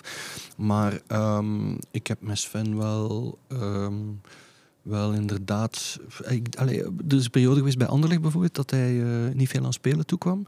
En dan hebben we er wel eens uh, over gesproken. En dan heb ik hem wel gezegd van ja, zou je dan niet liever weggaan? En dan gaat het natuurlijk over ja, maar ik heb een lopend contract, hè, waar moet ik naartoe? En ik wil natuurlijk ook niet lager gaan spelen dan wat ik hier ben. Dus dat soort gesprekken hebben we wel over. Maar ik kan natuurlijk geen sportief advies geven als fan van ja, daar moet je naartoe. Want mm-hmm. dat is echt een trainer die je nu gelooft. Of, dat, dat zijn dingen die ik. Uh, ik, ik ben daarvoor ken te weinig voetbal om hem dat soort advies te geven. Maar ik heb wel altijd geprobeerd van, van um, in gesprekken toch wel een luisterend oor te zijn als hij beslissingen moest nemen. Ja. Meer dan 600 matches, Sven. Waar ben je nu het meest trots op als je daarop terugblikt? Uh, ik denk sowieso de, de titel met, uh, met Gent. -hmm. Je ja, kiest voor iets dat je als ploeg gerealiseerd hebt boven ja, ja, absoluut. Uh, individuele prestaties. Ja, absoluut. Ik denk dat dat iets is waar dat je een uh, heel jaar of, of zelf langer uh, aan werkt met, met ganse, ganse ploeg, ganse staf, ganse club eigenlijk, uh, om dat te realiseren. Um, en dat was ook onverwacht eigenlijk, hè, want Gent had twee jaar geen, geen play-offs gehaald. Um, zou blij geweest zijn als we gewoon de play-offs hadden gehaald. Um, en als we dan kampioen wordt, dat was iets, ja, iets onverwachts en iets unieks. Dus ja. dat ga ik sowieso niet vergeten. Ja. Je hebt in die periode ook de Gouden Schoen gewonnen. Mm -hmm. um, dat is dan wel weer een individuele bekroning. Kan je toch eens laten kiezen tussen twee dingen. Die Gouden Schoen of um, verkozen worden in het Champions League elftal na de groepsfase. Welk van die twee vond je het strafst? Bah, dan kies ik toch denk ik wel voor de gouden schoen. Ja, ja. ja omdat je die op de kast kunt zetten en die, die verkiezingen... En omdat die niet weggaat. voilà, ja. De andere heb ik ook op de kast gezet uh, voor een heb, bepaalde Heb je daar effectief periode. een, een trofee van uh, gekregen? Ja, klopt. Uh, ah, ik heb iemand die al, al de artikels en zo bijhoudt en die dat dan vaak komt afzetten bij mij thuis. Ehm, en die had dat ingekaderd om... Ah, Oké. eh, ja, Staat, van- staat de gouden schoen nog in uw, eh, in uw woonkamer? Nee, nee, nee, nee absoluut Weg, niet. Die, is, nee, nee, die staat in het Ja, bureau. die heeft een tijdje gestaan in de hoek van zijn woonkamer. Ah, bon. Ik heb die wel eens in mijn Ja. handen gehad en omhoog gestoken. Ja. Ik heb er zelfs een foto van. van de Daarom is hem dus weggegaan, omdat mensen dat deden. Ja, maar ja, hij staat daar. Je kunt, ah ja, sorry, hij is fijn. Niet waar. Iedereen wil die altijd maar vastnemen. Ja, nee. In het begin eh, ben je daar uiteraard heel trots op en zo. En dan, dan zet je die waar, dat je, waar dat je hem vaak ziet. Ja. En nu denk ik van... eh, ja, nu zet ik hem een beetje meer eh, in de bureau. Ja. Een beetje meer... Ja, hij staat niet meer in het zicht. elk Nee, hij staat niet meer in het zicht. hè. Ja, Ehm, ik heb het een beetje over je carrière op dit moment. hè. Na die gouden schoen ben je dan eh, naar Italië vertrokken, naar Ja. Udinese. Ehm, hoe kijk je daarop terug eigenlijk? Hoe, is, hoe was het daar? Eh, geweldig eigenlijk. Ehm, sportief iets minder. Maar ik heb daar wel een geweldige periode gehad. Ehm, eigenlijk was de bedoeling om naar Watford te gaan, maar eh, ik ben dan eerste jaar eh, uitgeleend aan eh Udinese, ehm, wat van dezelfde eigenaar is. Dus, ehm, en voor, voor veel mensen was dat zo'n rare keuze. Maar voor mij was dat eigenlijk ideaal, want ik wou een keer iets anders doen dan België. En dan had ik twee, twee kansen eigenlijk. Ik had Italië en Engeland. Dus ik vond dat, ik vond dat een, een, superleuke keuze. En eh, ik heb mij dan nooit beklaagd. Ook al was het sportief misschien wat minder. Ehm, ik denk dat ik de eerste, de eerste helft van het seizoen heel veel heb gespeeld. Ehm, natuurlijk is de trainer die mij absoluut wou heel snel ontslagen. Ehm, en de tweede helft eh, heb, ik, eh, heb ik dan veel minder gespeeld. Maar ja, ik denk dat ik daar eigenlijk best wel tevreden over mag zijn hoeveel ik daar gespeeld heb in mijn eerste seizoen. Want als je kijkt, ehm, spelers die naar Italië eh, gaan, is, is, het is altijd moeilijk. Het is een hele aanpassing. eh, het is een eh, heel andere manier van spelen. Het is heel defensief. dus ik denk dat, dat heel veel spelers moeite hebben met zich, met zich aan te passen. En ik denk dat je dat nu zelf ziet met iemand als de Ketelaar, die toch Mhm, een heel mhm. goede speler is. Die zelf ook moeite heeft om zich aan te passen. En dat is, ik denk dat dat heel normaal is in, in zo'n competitie. Ja. Kampioen met Gent, gouden schoen gewonnen, verkozen tot een van de spelers in het Champions League elftal van de groepsfase in 2015-16, transfer naar Italië. Ehm, ja, er zijn heel veel mooie dingen op jouw palmares. Eh, wat daar wel op ontbreekt zijn effectieve speelminuten voor de Rode Duivels. Vind je dat een gemis? Ik vind dat een absoluut gemis. Eh, dat is iets wat ik echt wel eh, mis op mijn palmarès. Dat ik gewoon één wedstrijd of, of toch een paar minuten heb, eh, heb mogen spelen met, eh, met de Rode Duivels. Dus dat is wel iets dat ik, eh, dat ik gemist heb. Ja, je, bent, je bent wel een aantal keer opgeroepen geweest. hè? Ik dacht drie of vier keer. Ja, zoiets denk ik. Eh, samen met Laurent dan in de tijd en Sels werden we samen opgeroepen. Laurent heeft dan het geluk gehad dat hij wel één of twee keer heeft, heeft gespeeld en gescoord zelfs, ook. tegen Inderdaad. Andorra. Ja. Ja, klopt. Ja. Ehm, dus hij heeft goede statistieken. Eén goal Ja. en één, één match, denk ik. Ehm, dus hij heeft wel het geluk gehad. Ehm, ik heb misschien net de pech gehad dat we in een eh, vriendschappelijke wedstrijd tegen, tegen Spanje, denk ik, thuis, eh, dat ik daar misschien de kans had gehad om misschien minuten te maken. Maar toen waren het de aanslagen en ehm, zijn die. Ja, klopt. En zijn die wedstrijden dan ehm, afgelast en eh, Ja. daarna ben ik niet meer opgeroepen geweest. Ja. Wat denk jij, Miguel? Eh, Hij had toch minstens één cap op zijn naam moeten hebben, hè? Als, je, als je kunt wat Sven Kums kan.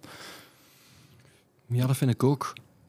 Maar tegelijkertijd moet je natuurlijk zien dat, dat de concurrentie bij de Rode Duivels zal nooit moordender zijn dan wat ze de laatste vijf jaar of tien jaar geweest is. Hè. Als je kijkt hoe dan een keeper zoals Simon Mignolet eigenlijk nauwelijks minuten gehaald heeft bij de Rode Duivels. En, en in andere decennia en in andere tijdsgeesten eh, eh, ja, misschien meer dan Pfaff caps had, had, eh, had verzameld. Dus ehm, ik denk dat Sven een beetje het ongeluk had dat hij natuurlijk net ehm, eh, eh, op zijn hoogtepunt ook mee met die gouden generatie eh, bij de Rode Duivels moest gaan Ja. concurreren. En dat dat, ehm, dat dat hem een beetje de nek omgedaan heeft, denk ik. Maar het is inderdaad wel zo dat, het, dat, het, dat ik het mij kan voorstellen dat het voor, voor iemand als Sven wel... ehm, als je kijkt naar zijn palmarès, dat het bijna vreemd is dat er geen rode of weinig rode duivelscaps op staan. Ja, ik- Of geen, ik- of wel? Heb je dat wel een keer? Geen, geen, want onlangs waren we op trainingen waren er eh, kleine partijtjes. En meestal worden dat zo ingedeeld in drie groepen. Jong, oud en... Zeer De- oud. Ja, dat wou ik niet zeggen, maar... ehm, en nu was het toevallig ehm, spelers die voor hun nationale ploeg hebben gespeeld, of eh, spelen, dan ehm, die spelen voor de jeugd en dan diegene die eigenlijk niet speelde. En ik zat bij degene die eh, nooit gespeeld heeft, dus dat, dat, dat, pikte bijna wel een ongelooflijk, beetje. Dat bijna je? ongelooflijk. Dus, Ja, het staat het staat als een eh, eh, weetje ook, eh, weliswaar ergens helemaal onderaan op je Ja. Wikipedia-pagina. Ik lees het even voor. maar ik heb dat er zelf bij gezet. Sven Kums, Sven Kums is samen met Lucien Olieslagers de enige gouden schoen die nooit uitkwam voor de Rode Duivels. En hoe de fuck is Lucien Olieslagers? Olieslagers, dat ben ik dan ook moeten gaan opzoeken, Ja. want ik, het zei me helaas niks. Eh, Lierse, jaren 60, verdediger.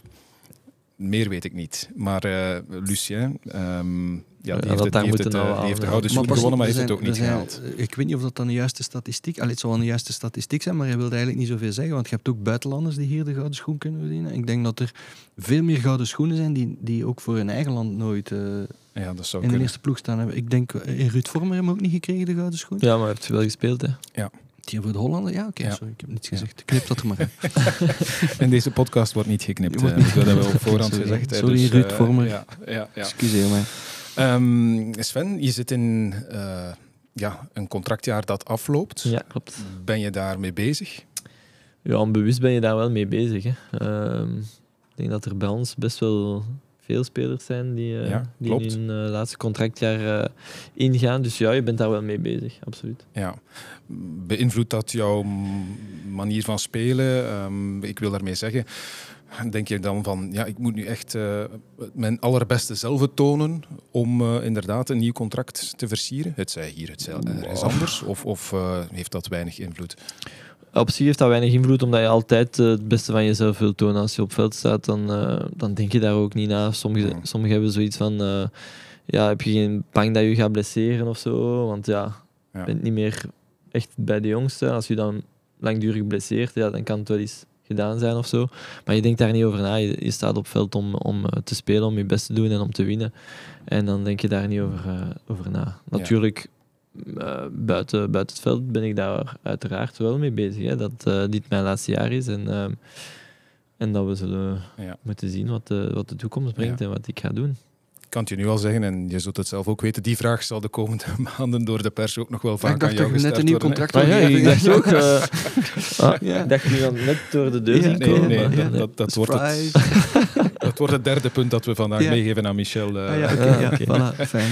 Nee, maar je- uiteraard, je zegt het zelf, ik ben, ik ben daarmee bezig. eh, naast het veld, Ehm, heb je er al een idee over waar je je toekomst liefst ziet?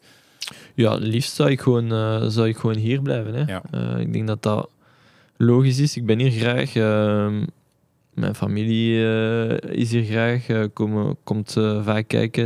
Het is niet ver van huis. Mijn kinderen zijn, eh, Eh, zitten op school, dus eh, liefst eh, blijf ik ja, zo dicht mogelijk in de buurt en, en ergens waar ik, mij, waar ik mij goed voel. En dan zou het ja, Ja. dat de logische stap zijn om, om hier te blijven. Ja, want nog een keer het buitenland. Je hebt Nederland gehad met Herenveen en je hebt Italië gehad met Udinese. Zou je dat nog eens overwegen, wetende inderdaad dat je, ja, je een vader bent met kleine kinderen en dat, dat je Ja. leven zich hier afspeelt vooral? Goh, zeg nooit nooit, maar het zal wel al iets heel speciaals moeten zijn. Ja. Ehm, denk, mijn vrouw eh, zou zeggen, alleen eh Cagliari doen, eh, omdat we daar altijd op vakantie gaan. En, Ah, ja. we hebben daar mooie herinneringen, maar Ja, ja. ja. De zandbak, Qatar, die kanten, dat is niks voor jou? Of? Pff, Zeg nooit nooit, maar ik- zoals gezegd, ik heb twee kleine kindjes die nu naar, naar school gaan, die hier eh, heel gelukkig zijn. En ja, om die dan uit hun, hun omgeving weg te trekken, en, eh, Ja. Dan zou er toch al veel moeten gebeuren. We ik. mogen het jou ook nog niet aandoen, hè, Miguel. Eh, De Gantoise zonder eh, Sven de komende jaar, daar ben je nog niet klaar voor. Hè? Nee, nee, nee. Maar ik, ik ben, nee, dat is waar. Ik, ik, ik wil dat hij blijft, maar ik zal elke beslissing van hem respecteren. Maar als ik nu naar hem luister, dan, dan kan ik mij toch niet van de indruk om doen dat ik denk van Sven, misschien moet je toch wel iets meer van, van nu afbijten en gewoon even eh, ehm, zeggen van als je mij een rappe contract geeft, dan ben ik hier weg. Maar dat zit niet in hem natuurlijk, snap je? En ik vind zo dat hij ehm, zijn vel misschien iets duurder zou, zou mogen verkopen. En makelaar, Ja. is dat niks voor jou? Eh, ik zou wel graag een Heb- percentage heb je er- op zijn loon. Ja, maar Miguel, je hebt ooit gezegd, en, op die quote ga ik nu, nu even pakken. Ik, Ja. ik denk dat het was toen je stopte met K3. ehm, dat je, de, de, vraag werd jou toen gesteld, eh, hoef jij ooit nog te werken? En jij zei, ja, eigenlijk niet. Ehm, Ja, maar die quote, dat, dat is een beetje geïsoleerd. Ik kan dat heel snel eh rechtzetten. Ehm men vroeg mij, heb je al heel veel centen verdiend in je leven? Ik zeg, ik heb al heel goed met een boterham verdiend met wat ik Ja. doe. En eh, hoef jij nog te werken? En daar heb ik zeer genuanceerd op geantwoord van als ik heel erg voorzichtig zou zijn, dan hoef ik niks meer te werken. Maar ik verdien natuurlijk nog geen tiende of geen honderdste van wat grootheden als Mark Koeken of Gert Verhulst verdienen. ja, ja. Maar dat is natuurlijk veel te lang om in een kop van een artikel te steken, waardoor dat die, eh, die, die ene Ja. geïsoleerde uitspraak, ik eh, hoef nooit meer te werken, mij nu al een tijdje achtervolgt. Voilà, Wat ik maar- ook niet zo maar erg vind, eh, voor alle duidelijkheid. Sven, als je ooit dus van makelaar wilt veranderen, je hoeft het niet ver te zoeken. Hij zit hier. En hij doet dat zit- gratis, hij want hij moet niet meer werken. Dus, eh, Ja, voilà. Ben jij er eigenlijk al mee bezig? eh, Want dat is dan nog verder natuurlijk, want je gaat nog wel een aantal jaren voetballen, neem ik aan. Eh, Wat daarna? Denk je daaraan? Eh, ja, ik denk daar zeker aan. Maar zoals gezegd, eh, ik wil eerst nog, eh, nog voetbal. Ik voel mij nog Mhm, goed. eh, mhm. Dus laat ons eh, eerst dat nog doen en dan zullen Ja. we wel zien. Maar ik ben er wel mee bezig. Ja. Eh, ik bekijk welke opties ik heb en dan... Ja, ik, ik eh, las of hoorde ergens eh, in een interview van een hele tijd geleden al dat je ooit eens liet vallen van scout. Dat, dat zou ik nog wel graag maar- doen, maar misschien, ik zie aan je reactie dat hij daar al van teruggekomen ja, daar bent. ben ik al van teruggekomen. ik heb nog zo'n idee gehad eh, waar ik van teruggekomen ben. Ja, Ik denk dat Sven, als ik, als ik Sven, Ja. zoals, zoals ik hem ken, Sven is een zeer eh, atypische voetballer in die zin dat hij ehm, eh, intelligent is. Ik zeg niet dat andere voetballers dat niet zijn, maar ik bedoel een zeer rustige, intelligente, down-to-earth indruk heeft. En ehm, we hebben het er al wel eens over gehad dat ehm, volgens mij Sven eh, wel heel erg zou renderen in een rol na voetballer zijn, waarbij hij als begeleider kan optreden voor, voor ehm, jonge spelers Mhm. die eh, veel geld verdienen, die eh, niet goed weten hoe dat ze daar moeten mee omgaan. En ehm, dat soort begeleiding ehm, wel best zouden kunnen gebruiken van iemand die zelf ook in het vak gezeten heeft. Mhm. En iemand die zelf ook bewijst van kijk, ik ben met mijn centen verstandig omgegaan. Ik ben zeer down to earth. Het is een, het is een beperkte carrière. En daarna moet je zien dat je, dat je je zaadjes op het drogen hebt. Of dat je op zijn minst toch gespaard hebt wat je verdiend hebt. En ik, ik heb het gevoel dat, dat, dat daar een rol voor Sven zou kunnen weggelegd zijn. Dat hij als een soort van guru en voorbeeld en begeleider voor die jonge gasten die aan het firmament komen kijken en die, laten we wel wezen, veel te veel geld verdienen en daar totaal niet kunnen mee omgaan. Dat ik denk dat Sven daar nog, ehm, nog eh, ehm, daar een belangrijke rol zou kunnen spelen als hij dat misschien leuk zou vinden om te doen. Oké. We laten dat even rusten. Hè. Dat is voor, eh, voor later, zou ik zeggen. Dat, dat, veel eh, later. Je kan nog wel Sven, hè, want hij gaat nog minstens zes jaar voetballen. Tot aan zijn veertigste, dat moet lukken. Ehm, we gaan er een aantal eh, vragen van supporters bij halen, want ze hebben vragen kunnen insturen voor deze aflevering van Stropcast. Ik heb ze niet allemaal geselecteerd natuurlijk, maar er zijn een paar uitgekozen. Ik steek meteen van wal met de eerste. Ehm, wie is de beste coach met wie je ooit werkte? Eh, ja, Als je in de ploeg wilt staan zondag, dan moet je, dan moet je nu wel opletten wat je zegt natuurlijk. Eh, ja, ik denk dat dat een gemakkelijk niet. Ik denk dat dat, Ja. dat dat onze coach is. Beluni? ik, heb, ik heb echt veel, veel coaches gehad eh, waar ik best wel een boek kan over schrijven, maar ik denk dat, eh, Ja. dat, dat onze coach eh, ja, zeker de, de beste is geweest waar ik ooit mee samen heb gewerkt. En ook gewoon de meeste prijzen heb gehaald. Of de prijzen die ik heb gehaald, want voor de rest heb ik eigenlijk niet veel prijzen gehaald. Hm. Ik denk alleen eh Supercup met Anderlecht of zo. Met Anderlecht, klopt. Ja. Beker met Gent. ehm, Beker met Gent, kampioen met kampioen Gent. met Gent, Ja. uiteraard. Ja. En er zijn van alles statistieken tegenwoordig. En ik heb er ook eentje teruggevonden. Vond ik wel straf. Weet jij hoeveel matchen je onder Hein van Hazenbroek gespeeld hebt in totaal? Dus niet alleen bij Gent, maar ook destijds bij In Kortrijk. totaal. En Ja, bij Anderlecht in dan ook. Anderlecht ook, ja. Ehm, van mijn z- 600 matchen zal dat 350, 400. Ja, je zit er niet ver af. 318 wedstrijden Ah, onder, 18. eh, Oké. onder Hein van Hazenbroek. Dat is, dat is, ik vond dat echt een strafgetal eigenlijk. Maar ik heb mij ook eens laten vertellen dat toen Hein van Hazenbroek naar A-agent kwam... Het is misschien een, eh, een, eh, een legende die niet waar is. Maar ik heb me wel eens laten vertellen dat toen Hein van Hazenbroek naar A-agent kwam... en ehm, eh, met eh Louagie en De Witte zijn overeenkomst maakte... dat hij zei van, ik wil alleen komen als ik ook Kums heb. Kums is voor mij... Da daar rond wil ik mijn ploeg bouwen. En als je die kunt binnenhalen, dan kom ik. En als die er niet meekomt met mij, dan Mhm. eh, gaat het niet door. Mhm. Dat is wat ik altijd gehoord heb. Dat, eh, dat, dat eigenlijk de kampioenenploeg rond van, is gebouwd. Daar weet ik niks van, maar het zou, zou kunnen. Ja, Ook, Maar, eh, ook checken bij Michel. ja, voilà. Ja, Ik hoop dat hij nog altijd aan het Maar het is wel een misvatting dat, dat ik altijd eh, achter... Allee, ga waar de coach zit, maar eigenlijk is het een beetje andersom als je het opzoekt. Maar En als, je- als hij je dan... als ik naar Anderlecht, als ik bij Anderlecht speelde, is hij gekomen. Hein van Hazenbroek volgt Sven Kums. Dat is het eigenlijk. Ja, Maar het is ook deel wel- toch? Het is ook wel straf als je erover nadenkt dat een coach wel heel bepalend kan zijn voor het, voor het succes van een carrière van een voetballer. Want zoals Sven daarnet zei van uh, Udinese, de trainer die hem haalt, wordt snel ontslagen en Mhm. daarna komt op de bank terecht.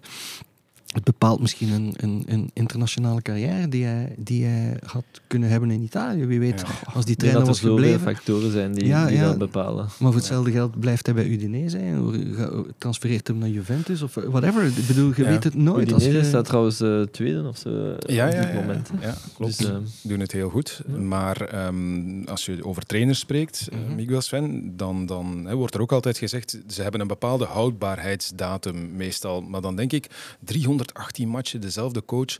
Maar ik zal het misschien wat stout formuleren, maar word je die dan nooit beu? Eh, wat blief? Wat beu is, eh, is een groot woord. Ik denk dat er Maar altijd- jullie hebben altijd goed kunnen samenwerken. Wij dus- hebben dus- altijd goed dus kunnen voilà, samenwerken, zeker, opzicht, maar- eh, Eh, om nu te zeggen dat dat nooit een keer niet botst of dat we Ja. een keer niet Ja. eens zijn met elkaar, dat, dat is onmogelijk, denk Ik kan ik. me eh. zeer goed voorstellen dat het geen gemakkelijke mens is. Hè? Hein van Azenbroek. Ik denk dat dat een, een moeilijke trainer is om onder te werken. Maar natuurlijk, hij haalt resultaten. Ik denk dat je als speler regelmatig, en dat dat logisch is dat je er af en toe een keer op vloekt. ja. Je hebt ook Marco van Basten gehad als coach Ja, bij, bij Heerenveen. Hoe was dat? Eh, hoe was dat? Eh, ja, een hele amabele man. Eh, heel goed in de omgang met de spelers en zo, maar misschien net wat te dicht Mhm. bij de spelers. Ja. Ehm, Hij was ook van Amsterdam en zo. Woonde dan in Heerenveen. Ehm, was daar vaak alleen en dan ja, was hij misschien net wat te dicht bij de spelers. Ja. Trainde hij zelf nog mee? Af en toe, ja. Af en toe, zo bij een rondootje of zo voor de, voor de eh, training, dan deed hij mee. En dan eh, zag je wel dat hij ongelooflijk goed kon voetballen. Ja. Maar als trainer, denk ik, eh, heeft hij dan ook snel aangegeven, denk ik, bij Ereveen. Ik was Mhm. toen wel al weg, maar ik heb dan gehoord dat hij zelf aangaf dat, eh, dat het trainerschap misschien toch niet echt iets voor hem was. En dan is hij er niet veel later mee gestopt. Oké, ik had er nog een eh, andere vraag bij. Eh, wie is de meest ondergewaardeerde speler van A-agent? Ehm, ondergewaardeerd. Hmm. Mickey, help mij. Ik zou zeggen Hanke Olsen. Omdat, dat, omdat we het er straks over Grinta en, en, Mhm. en zo hadden. En dat ik het gevoel heb bij Andreas Hanke Olsen dat dat, dat, dat zo de viking is die altijd voorop in de strijd gaat. Ja. En ehm, ik heb het gevoel dat dat misschien af en toe een beetje te weinig in de verf gezet wordt. Ik heb het niet over zijn sportieve ehm, prestaties, of hij nu degene is die een match kan, kan doen kantelen. En, en als verdediger gaat hij ook wel eens in de fout en zo. Mhm. Maar ik vind dat zo een toonbeeld van grinta. Ik kan het niet anders zeggen. Mm. En dat vind ik dat onze ploeg wel echt ehm, kan gebruiken en onze ploeg kleur heeft. Dus ja, dat is mijn spontane antwoord, is Ja. Hanke Olsen. Ik zie ik- ik snap- instemmend klikken. Ja, ik snap het wel, eh, de redenering. Maar ik zou dan ook nog misschien Davy Roef zeggen. Omdat is misschien iemand die vaak over het hoofd wordt eh, gezien, omdat hij heel rustig is. eh, misschien ja, een beetje atypisch eh, voetballer is. Hij gaat nooit op de tafel kloppen of zo. Mhm. En wordt hij vaak dus eh, over het hoofd gezien. Maar ik denk dat dat echt iemand is... eh, ja, dat is echt een hele goede keeper. Ehm, en ja, ik vind dat soms een beetje jammer dat hij ehm, Ja. een beetje misschien aan de kant geschoven wordt, omdat hij niet zo verbaal is of zo. Of omdat hij niet... eh, Ja. Het zijn, het zijn inderdaad heel andere types. Hè. Die twee die we nu noemen, Andreas en, en Davy. De Ja. ene is inderdaad, eh, die, die, gaat wel eens op, eh, op tafel roepen Ja. of op tafel staan. En, en eh, ja, Davy maar ik denk dat. Davy iemand... Allee, als, als vorig jaar dat voorval met, met Sinan niet gebeurt, dan, dan zie ik hem niet echt in de ploeg komen. En, Mhm. En dat is nu net typisch Davy. Ik denk niet dat dat een slechtere keeper is als, als Sinan vorig jaar. Maar ja, Sinan was meer iemand die zich eh, profileerde dan Davy. En, eh, en Davy belandt dan meer eh, op de achtergrond. Maar eens dat hij speelde, Bestaat het- gevaar nu ook met Nardi? maar dat weet ik niet. Ik kan natuurlijk niet, niet zien wat, wat de trainer daarmee gaat doen. Of, ehm, maar ja, ik denk als, als je dan spreekt over iemand onder, onderschatten, dan denk ik dat dat Davy is en dat hij dat ook wel heeft getoond. Daarna, als hij mocht spelen, heeft hij ongelooflijk veel punten gepakt Mhm. eh, in de Mhm. race naar play-off 1. Absoluut. Wat ons eh, bijna play-off 1 heeft eh, bezorgd. En was hij toch de bekerheld. Hè? Absoluut. hij heeft ons Ja. de beker bezorgd met, de, met de penalties. Ehm, dus ik denk dat, ja, dat hij toch wel onderschat wordt. En jammer genoeg niet alleen hier. Ja. Ik denk een beetje de draad Ja. door zijn carrière. En dan kom je weer op, op het feit van dat een trainer best wel Een invloed ja, heeft. Invloed he- kan hebben op iemand zijn carrière. En van keepers kun je er maar één zetten. Hè. Middenvelders, daar kun je er een, eh, een Ja, rijtje van zetten. En ook eh, makkelijk eh, roteren. Dat doe je met een keeper misschien al iets minder. Hoewel het nu wel zo gaat voorlopig hè, met Nardi en, eh, en Roef. Maar het, is, het is niet per se een makkelijk bestaan, denk ik, als keeper. Nee, klopt. Hè. En ehm, zeker niet als je, als je tweede keeper bent en je weet dat je tweede keeper bent. Ik denk Mhm. dat dat nog, nog moeilijker is. Want als er zo een strijd is tussen de twee, dan weet je, ja, ik kan erin komen, ik kan eruit gaan. Maar als je echt zo naar een ploeg gaat en je, je weet van, ja, jij bent tweede keeper, jij, jij bent de eerste keeper. Ja, een keeper gaat best, allee, is niet vaak geblesseerd. Dus een tweede keeper komt er ook niet zo gemakkelijk in. En als er een één komt, kan je je niet tonen. Dus eh, ik zeg het, als dat voorval niet geweest was met, met Sinan, had hij waarschijnlijk hier ook niet echt eh, gespeeld. En had hij ook niet onze bekerheld geweest vorig jaar. Ja. Heel mooi dat je aan eh David denkt, vind ik trouwens. Eh, Goed, volgende vraag. Wat is je meest memorabele match voor A-agent? Is dat de 4-1 tegen Club Brugge in 2015 toen je een hat maakte? Ehm, ja, dat zou kunnen dat dat er één van was, maar ja, Ja. Ondertussen hebben we wel al 6-1 gewonnen. Hè. Dat is waar. Maar daarin heb je geen uh, hat Nee, gemaakt natuurlijk. geen Ja. Nee, dat ja, klopt. ja. Dus ehm, Heb je zo één wedstrijd in, in je hoofd zitten inderdaad? Of zijn dat er toch te veel uiteindelijk? Als je er uit zes- Memorabel is denk ik gewoon de 600 kunt kiezen, dan, dan heb je Nee, veel keuze ja. natuurlijk. ja, ik heb positief en negatief. Maar negatief hebben we daar straks al aangehaald. Ja. Maar ehm, memorabel is misschien wel de Champions League match tegen Valencia. Dat, Mhm. we, dat we hier thuis eh, wonnen met 1-0. En eh, waar ik dan ik scoorde. Dus, ehm, en wat memorabel was, dat, dat er zoveel sfeer was in het stadion. Dat was, eh, was echt ongezien hier. Niet, ja, hij was er niet bij. Ja. Dat zei eh, Hein ook hè, in de eerste aflevering. Hij had het ook over die, Ah, ja, diezelfde kijk, wedstrijd. ja. Dat, het, dat, dat hij dat nog nooit meegemaakt had. eh, hoe het hier toen eraan toe ging qua sfeer in het stadion. Dat hij dat ook, ook bij andere clubs niet meegemaakt had. Dat dat eh, werkelijk ongelooflijk was. Die Nee, dat had ik ook nog niet meegemaakt. Want ik denk dat het ook 0-0 was aan, aan de rust en we gingen naar binnen. En, en het publiek was zo uitzinnig. ehm, Ja. Dat had ik eigenlijk nog, nog niet gezien. Ja. En, en het was 0-0, hè. En jij Dus- was daar niet. Ik was er niet, nee, nee. Nee, Ik zou spontaan denken aan de kampioenenmatch die ik hier ook meegemaakt heb. Ik vond Mhm. toch ook een uitbarsting van Ja. die Ja, klopt, toen ja. we Tegen Standaard. tegen Standaarden gewonnen hebben. Oké, Maar had mooi. ook gekund. Misschien als allerlaatste, want we gaan stilaan afronden. Oei. Heb jij nog een vraag voor Sven Kums? Miguel Wiels. Oei, dat is. ehm, heb ik nog een vraag voor Sven die ik hem zelf niet zou durven stellen, maar wel met duizenden luisteraars erbij. ik weet het niet. Ehm, het het, ehm, het, het, eh, overvalt mij ehm, een beetje. Misschien, wat was er gebeurd als je geen voetballer was geworden? Mm, ehm, eigenlijk nooit over nagedacht, want ja, ik wou altijd voetballer worden. Maar mm, ik heb veel studies gedaan ook nog. Eh, Pianist niet, dus nee. pianist niet, ja, zanger wou ik graag worden, maar dat zit er niet in. eh, Wat, wat heb jij gestudeerd, Sven? Ik heb eh, even kine gestudeerd. Ik heb even immobiliën gedaan. Ehm vergeet ik nog iets? Ik heb nog communicatie gedaan. Kijk. Eh, dus ik heb best wel veel geprobeerd, maar nooit, eh, nooit afgewerkt, Ja. helaas. Ehm, Dus hij zou nog communicatiemanager van agent Ja, inderdaad. nee, nee, nee. Als over ben er ook grap mee gestopt, omdat dan niks- eh, Ja, is mijn job niet meer veilig. Voilà. Ik ben er ook grap mee gestopt omdat het niks voor mij was, dus je moet je geen zorgen maken. Ehm, ik heb eigenlijk geen idee wat ik, eh, wat ik zou gedaan hebben. Ja. Nee. Ik wist eigenlijk grap dat ik, eh, dat ik voetballer wou worden en heb ik daar eigenlijk alles voor gedaan. Ik heb ook een paar jaar op internaat gezeten en zo, om, Ja. Om zoveel mogelijk met voetbal bezig te zijn. Gelukkig is het eh, inderdaad gelukt met Ja. dat voetbal. Ehm, er is nog één iets waar ik aan denk en jullie gaan me ook even moeten helpen. We hebben aan het einde van de vorige aflevering van Stropcast tickets weggegeven voor eh, de thuismatch tegen eh Djurgardens. Ik denk er plots aan dat we dat nu best opnieuw kunnen doen. Vijf duo-tickets voor de thuismatch tegen Shamrock Rovers. Mhm. Ehm, nee, die hebben we al gehad tegen eh, Molde. Zo is het, Molde, tegen ja. Molde. Ehm, maar ik heb nog geen quizvraag. Dus helpen jullie even? Oh.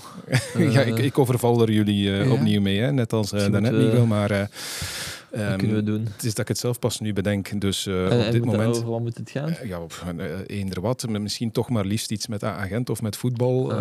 eh, als het enigszins kan. Ehm, Misschien een leuke anekdote vanuit Rome of zo. Wie dat we daar allemaal hebben gezien. ja, ik ben nu al benieuwd eigenlijk. Oké, ja, dus ehm, eh, eh, oh ja, daar kunnen we een vraag over stellen. Ja? Ehm, Sven en ik en onze respectievelijke vrouwen zijn eh, op citytrip geweest naar Rome.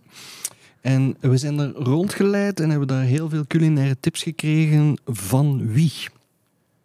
Oké, Niet Hmm. gemakkelijk, hè? nee, ik heb er zelf totaal geen idee. Je kan het, je kan het oké, maar we zullen een kleine tip, een tip geven. geven. Een Ik- kleine tip geven. Ik kan het wel ehm, zoeken in de voetbalwereld. In de voetbalwereld. Oké, Het was een voetballer en nu wordt het wel makkelijker. ja.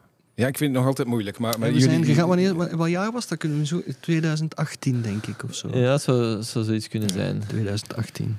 2018, culinair vooral, rondgeleid. Dat zou ik nu niet te dat veel-.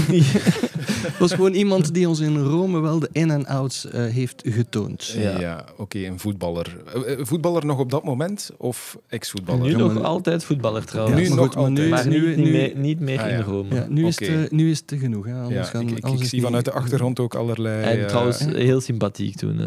hoofden van ja knikken. Dus, Ja, dat was echt sympathiek. Hij was echt super sympathiek. Ja, dat is waar. Oké. Wij ook. Ja, wij ook wel. En we hebben daar nog andere grootheden gezien. trouwens.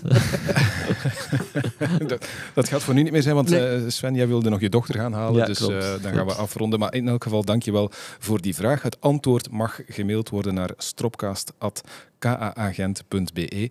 En eh, vijf duo-tickets eh, liggen klaar voor de mensen die het weten. Ik ben er niet bij, maar goed, ik zal eh, bij de wedstrijd sowieso zijn. Dus eh, voor mij maakt het niet uit. Maar ik wil het wel graag horen van jullie, Zullen zodra we de ja. microfoon hier uitgezet hebben. Ja. Goed, ik hoop dat jullie het fijn vonden. Dankjewel, eh was Miguel Wiels. En dankjewel, eh, Dankjewel. Sven Kums. Dankjewel. Tot de volgende.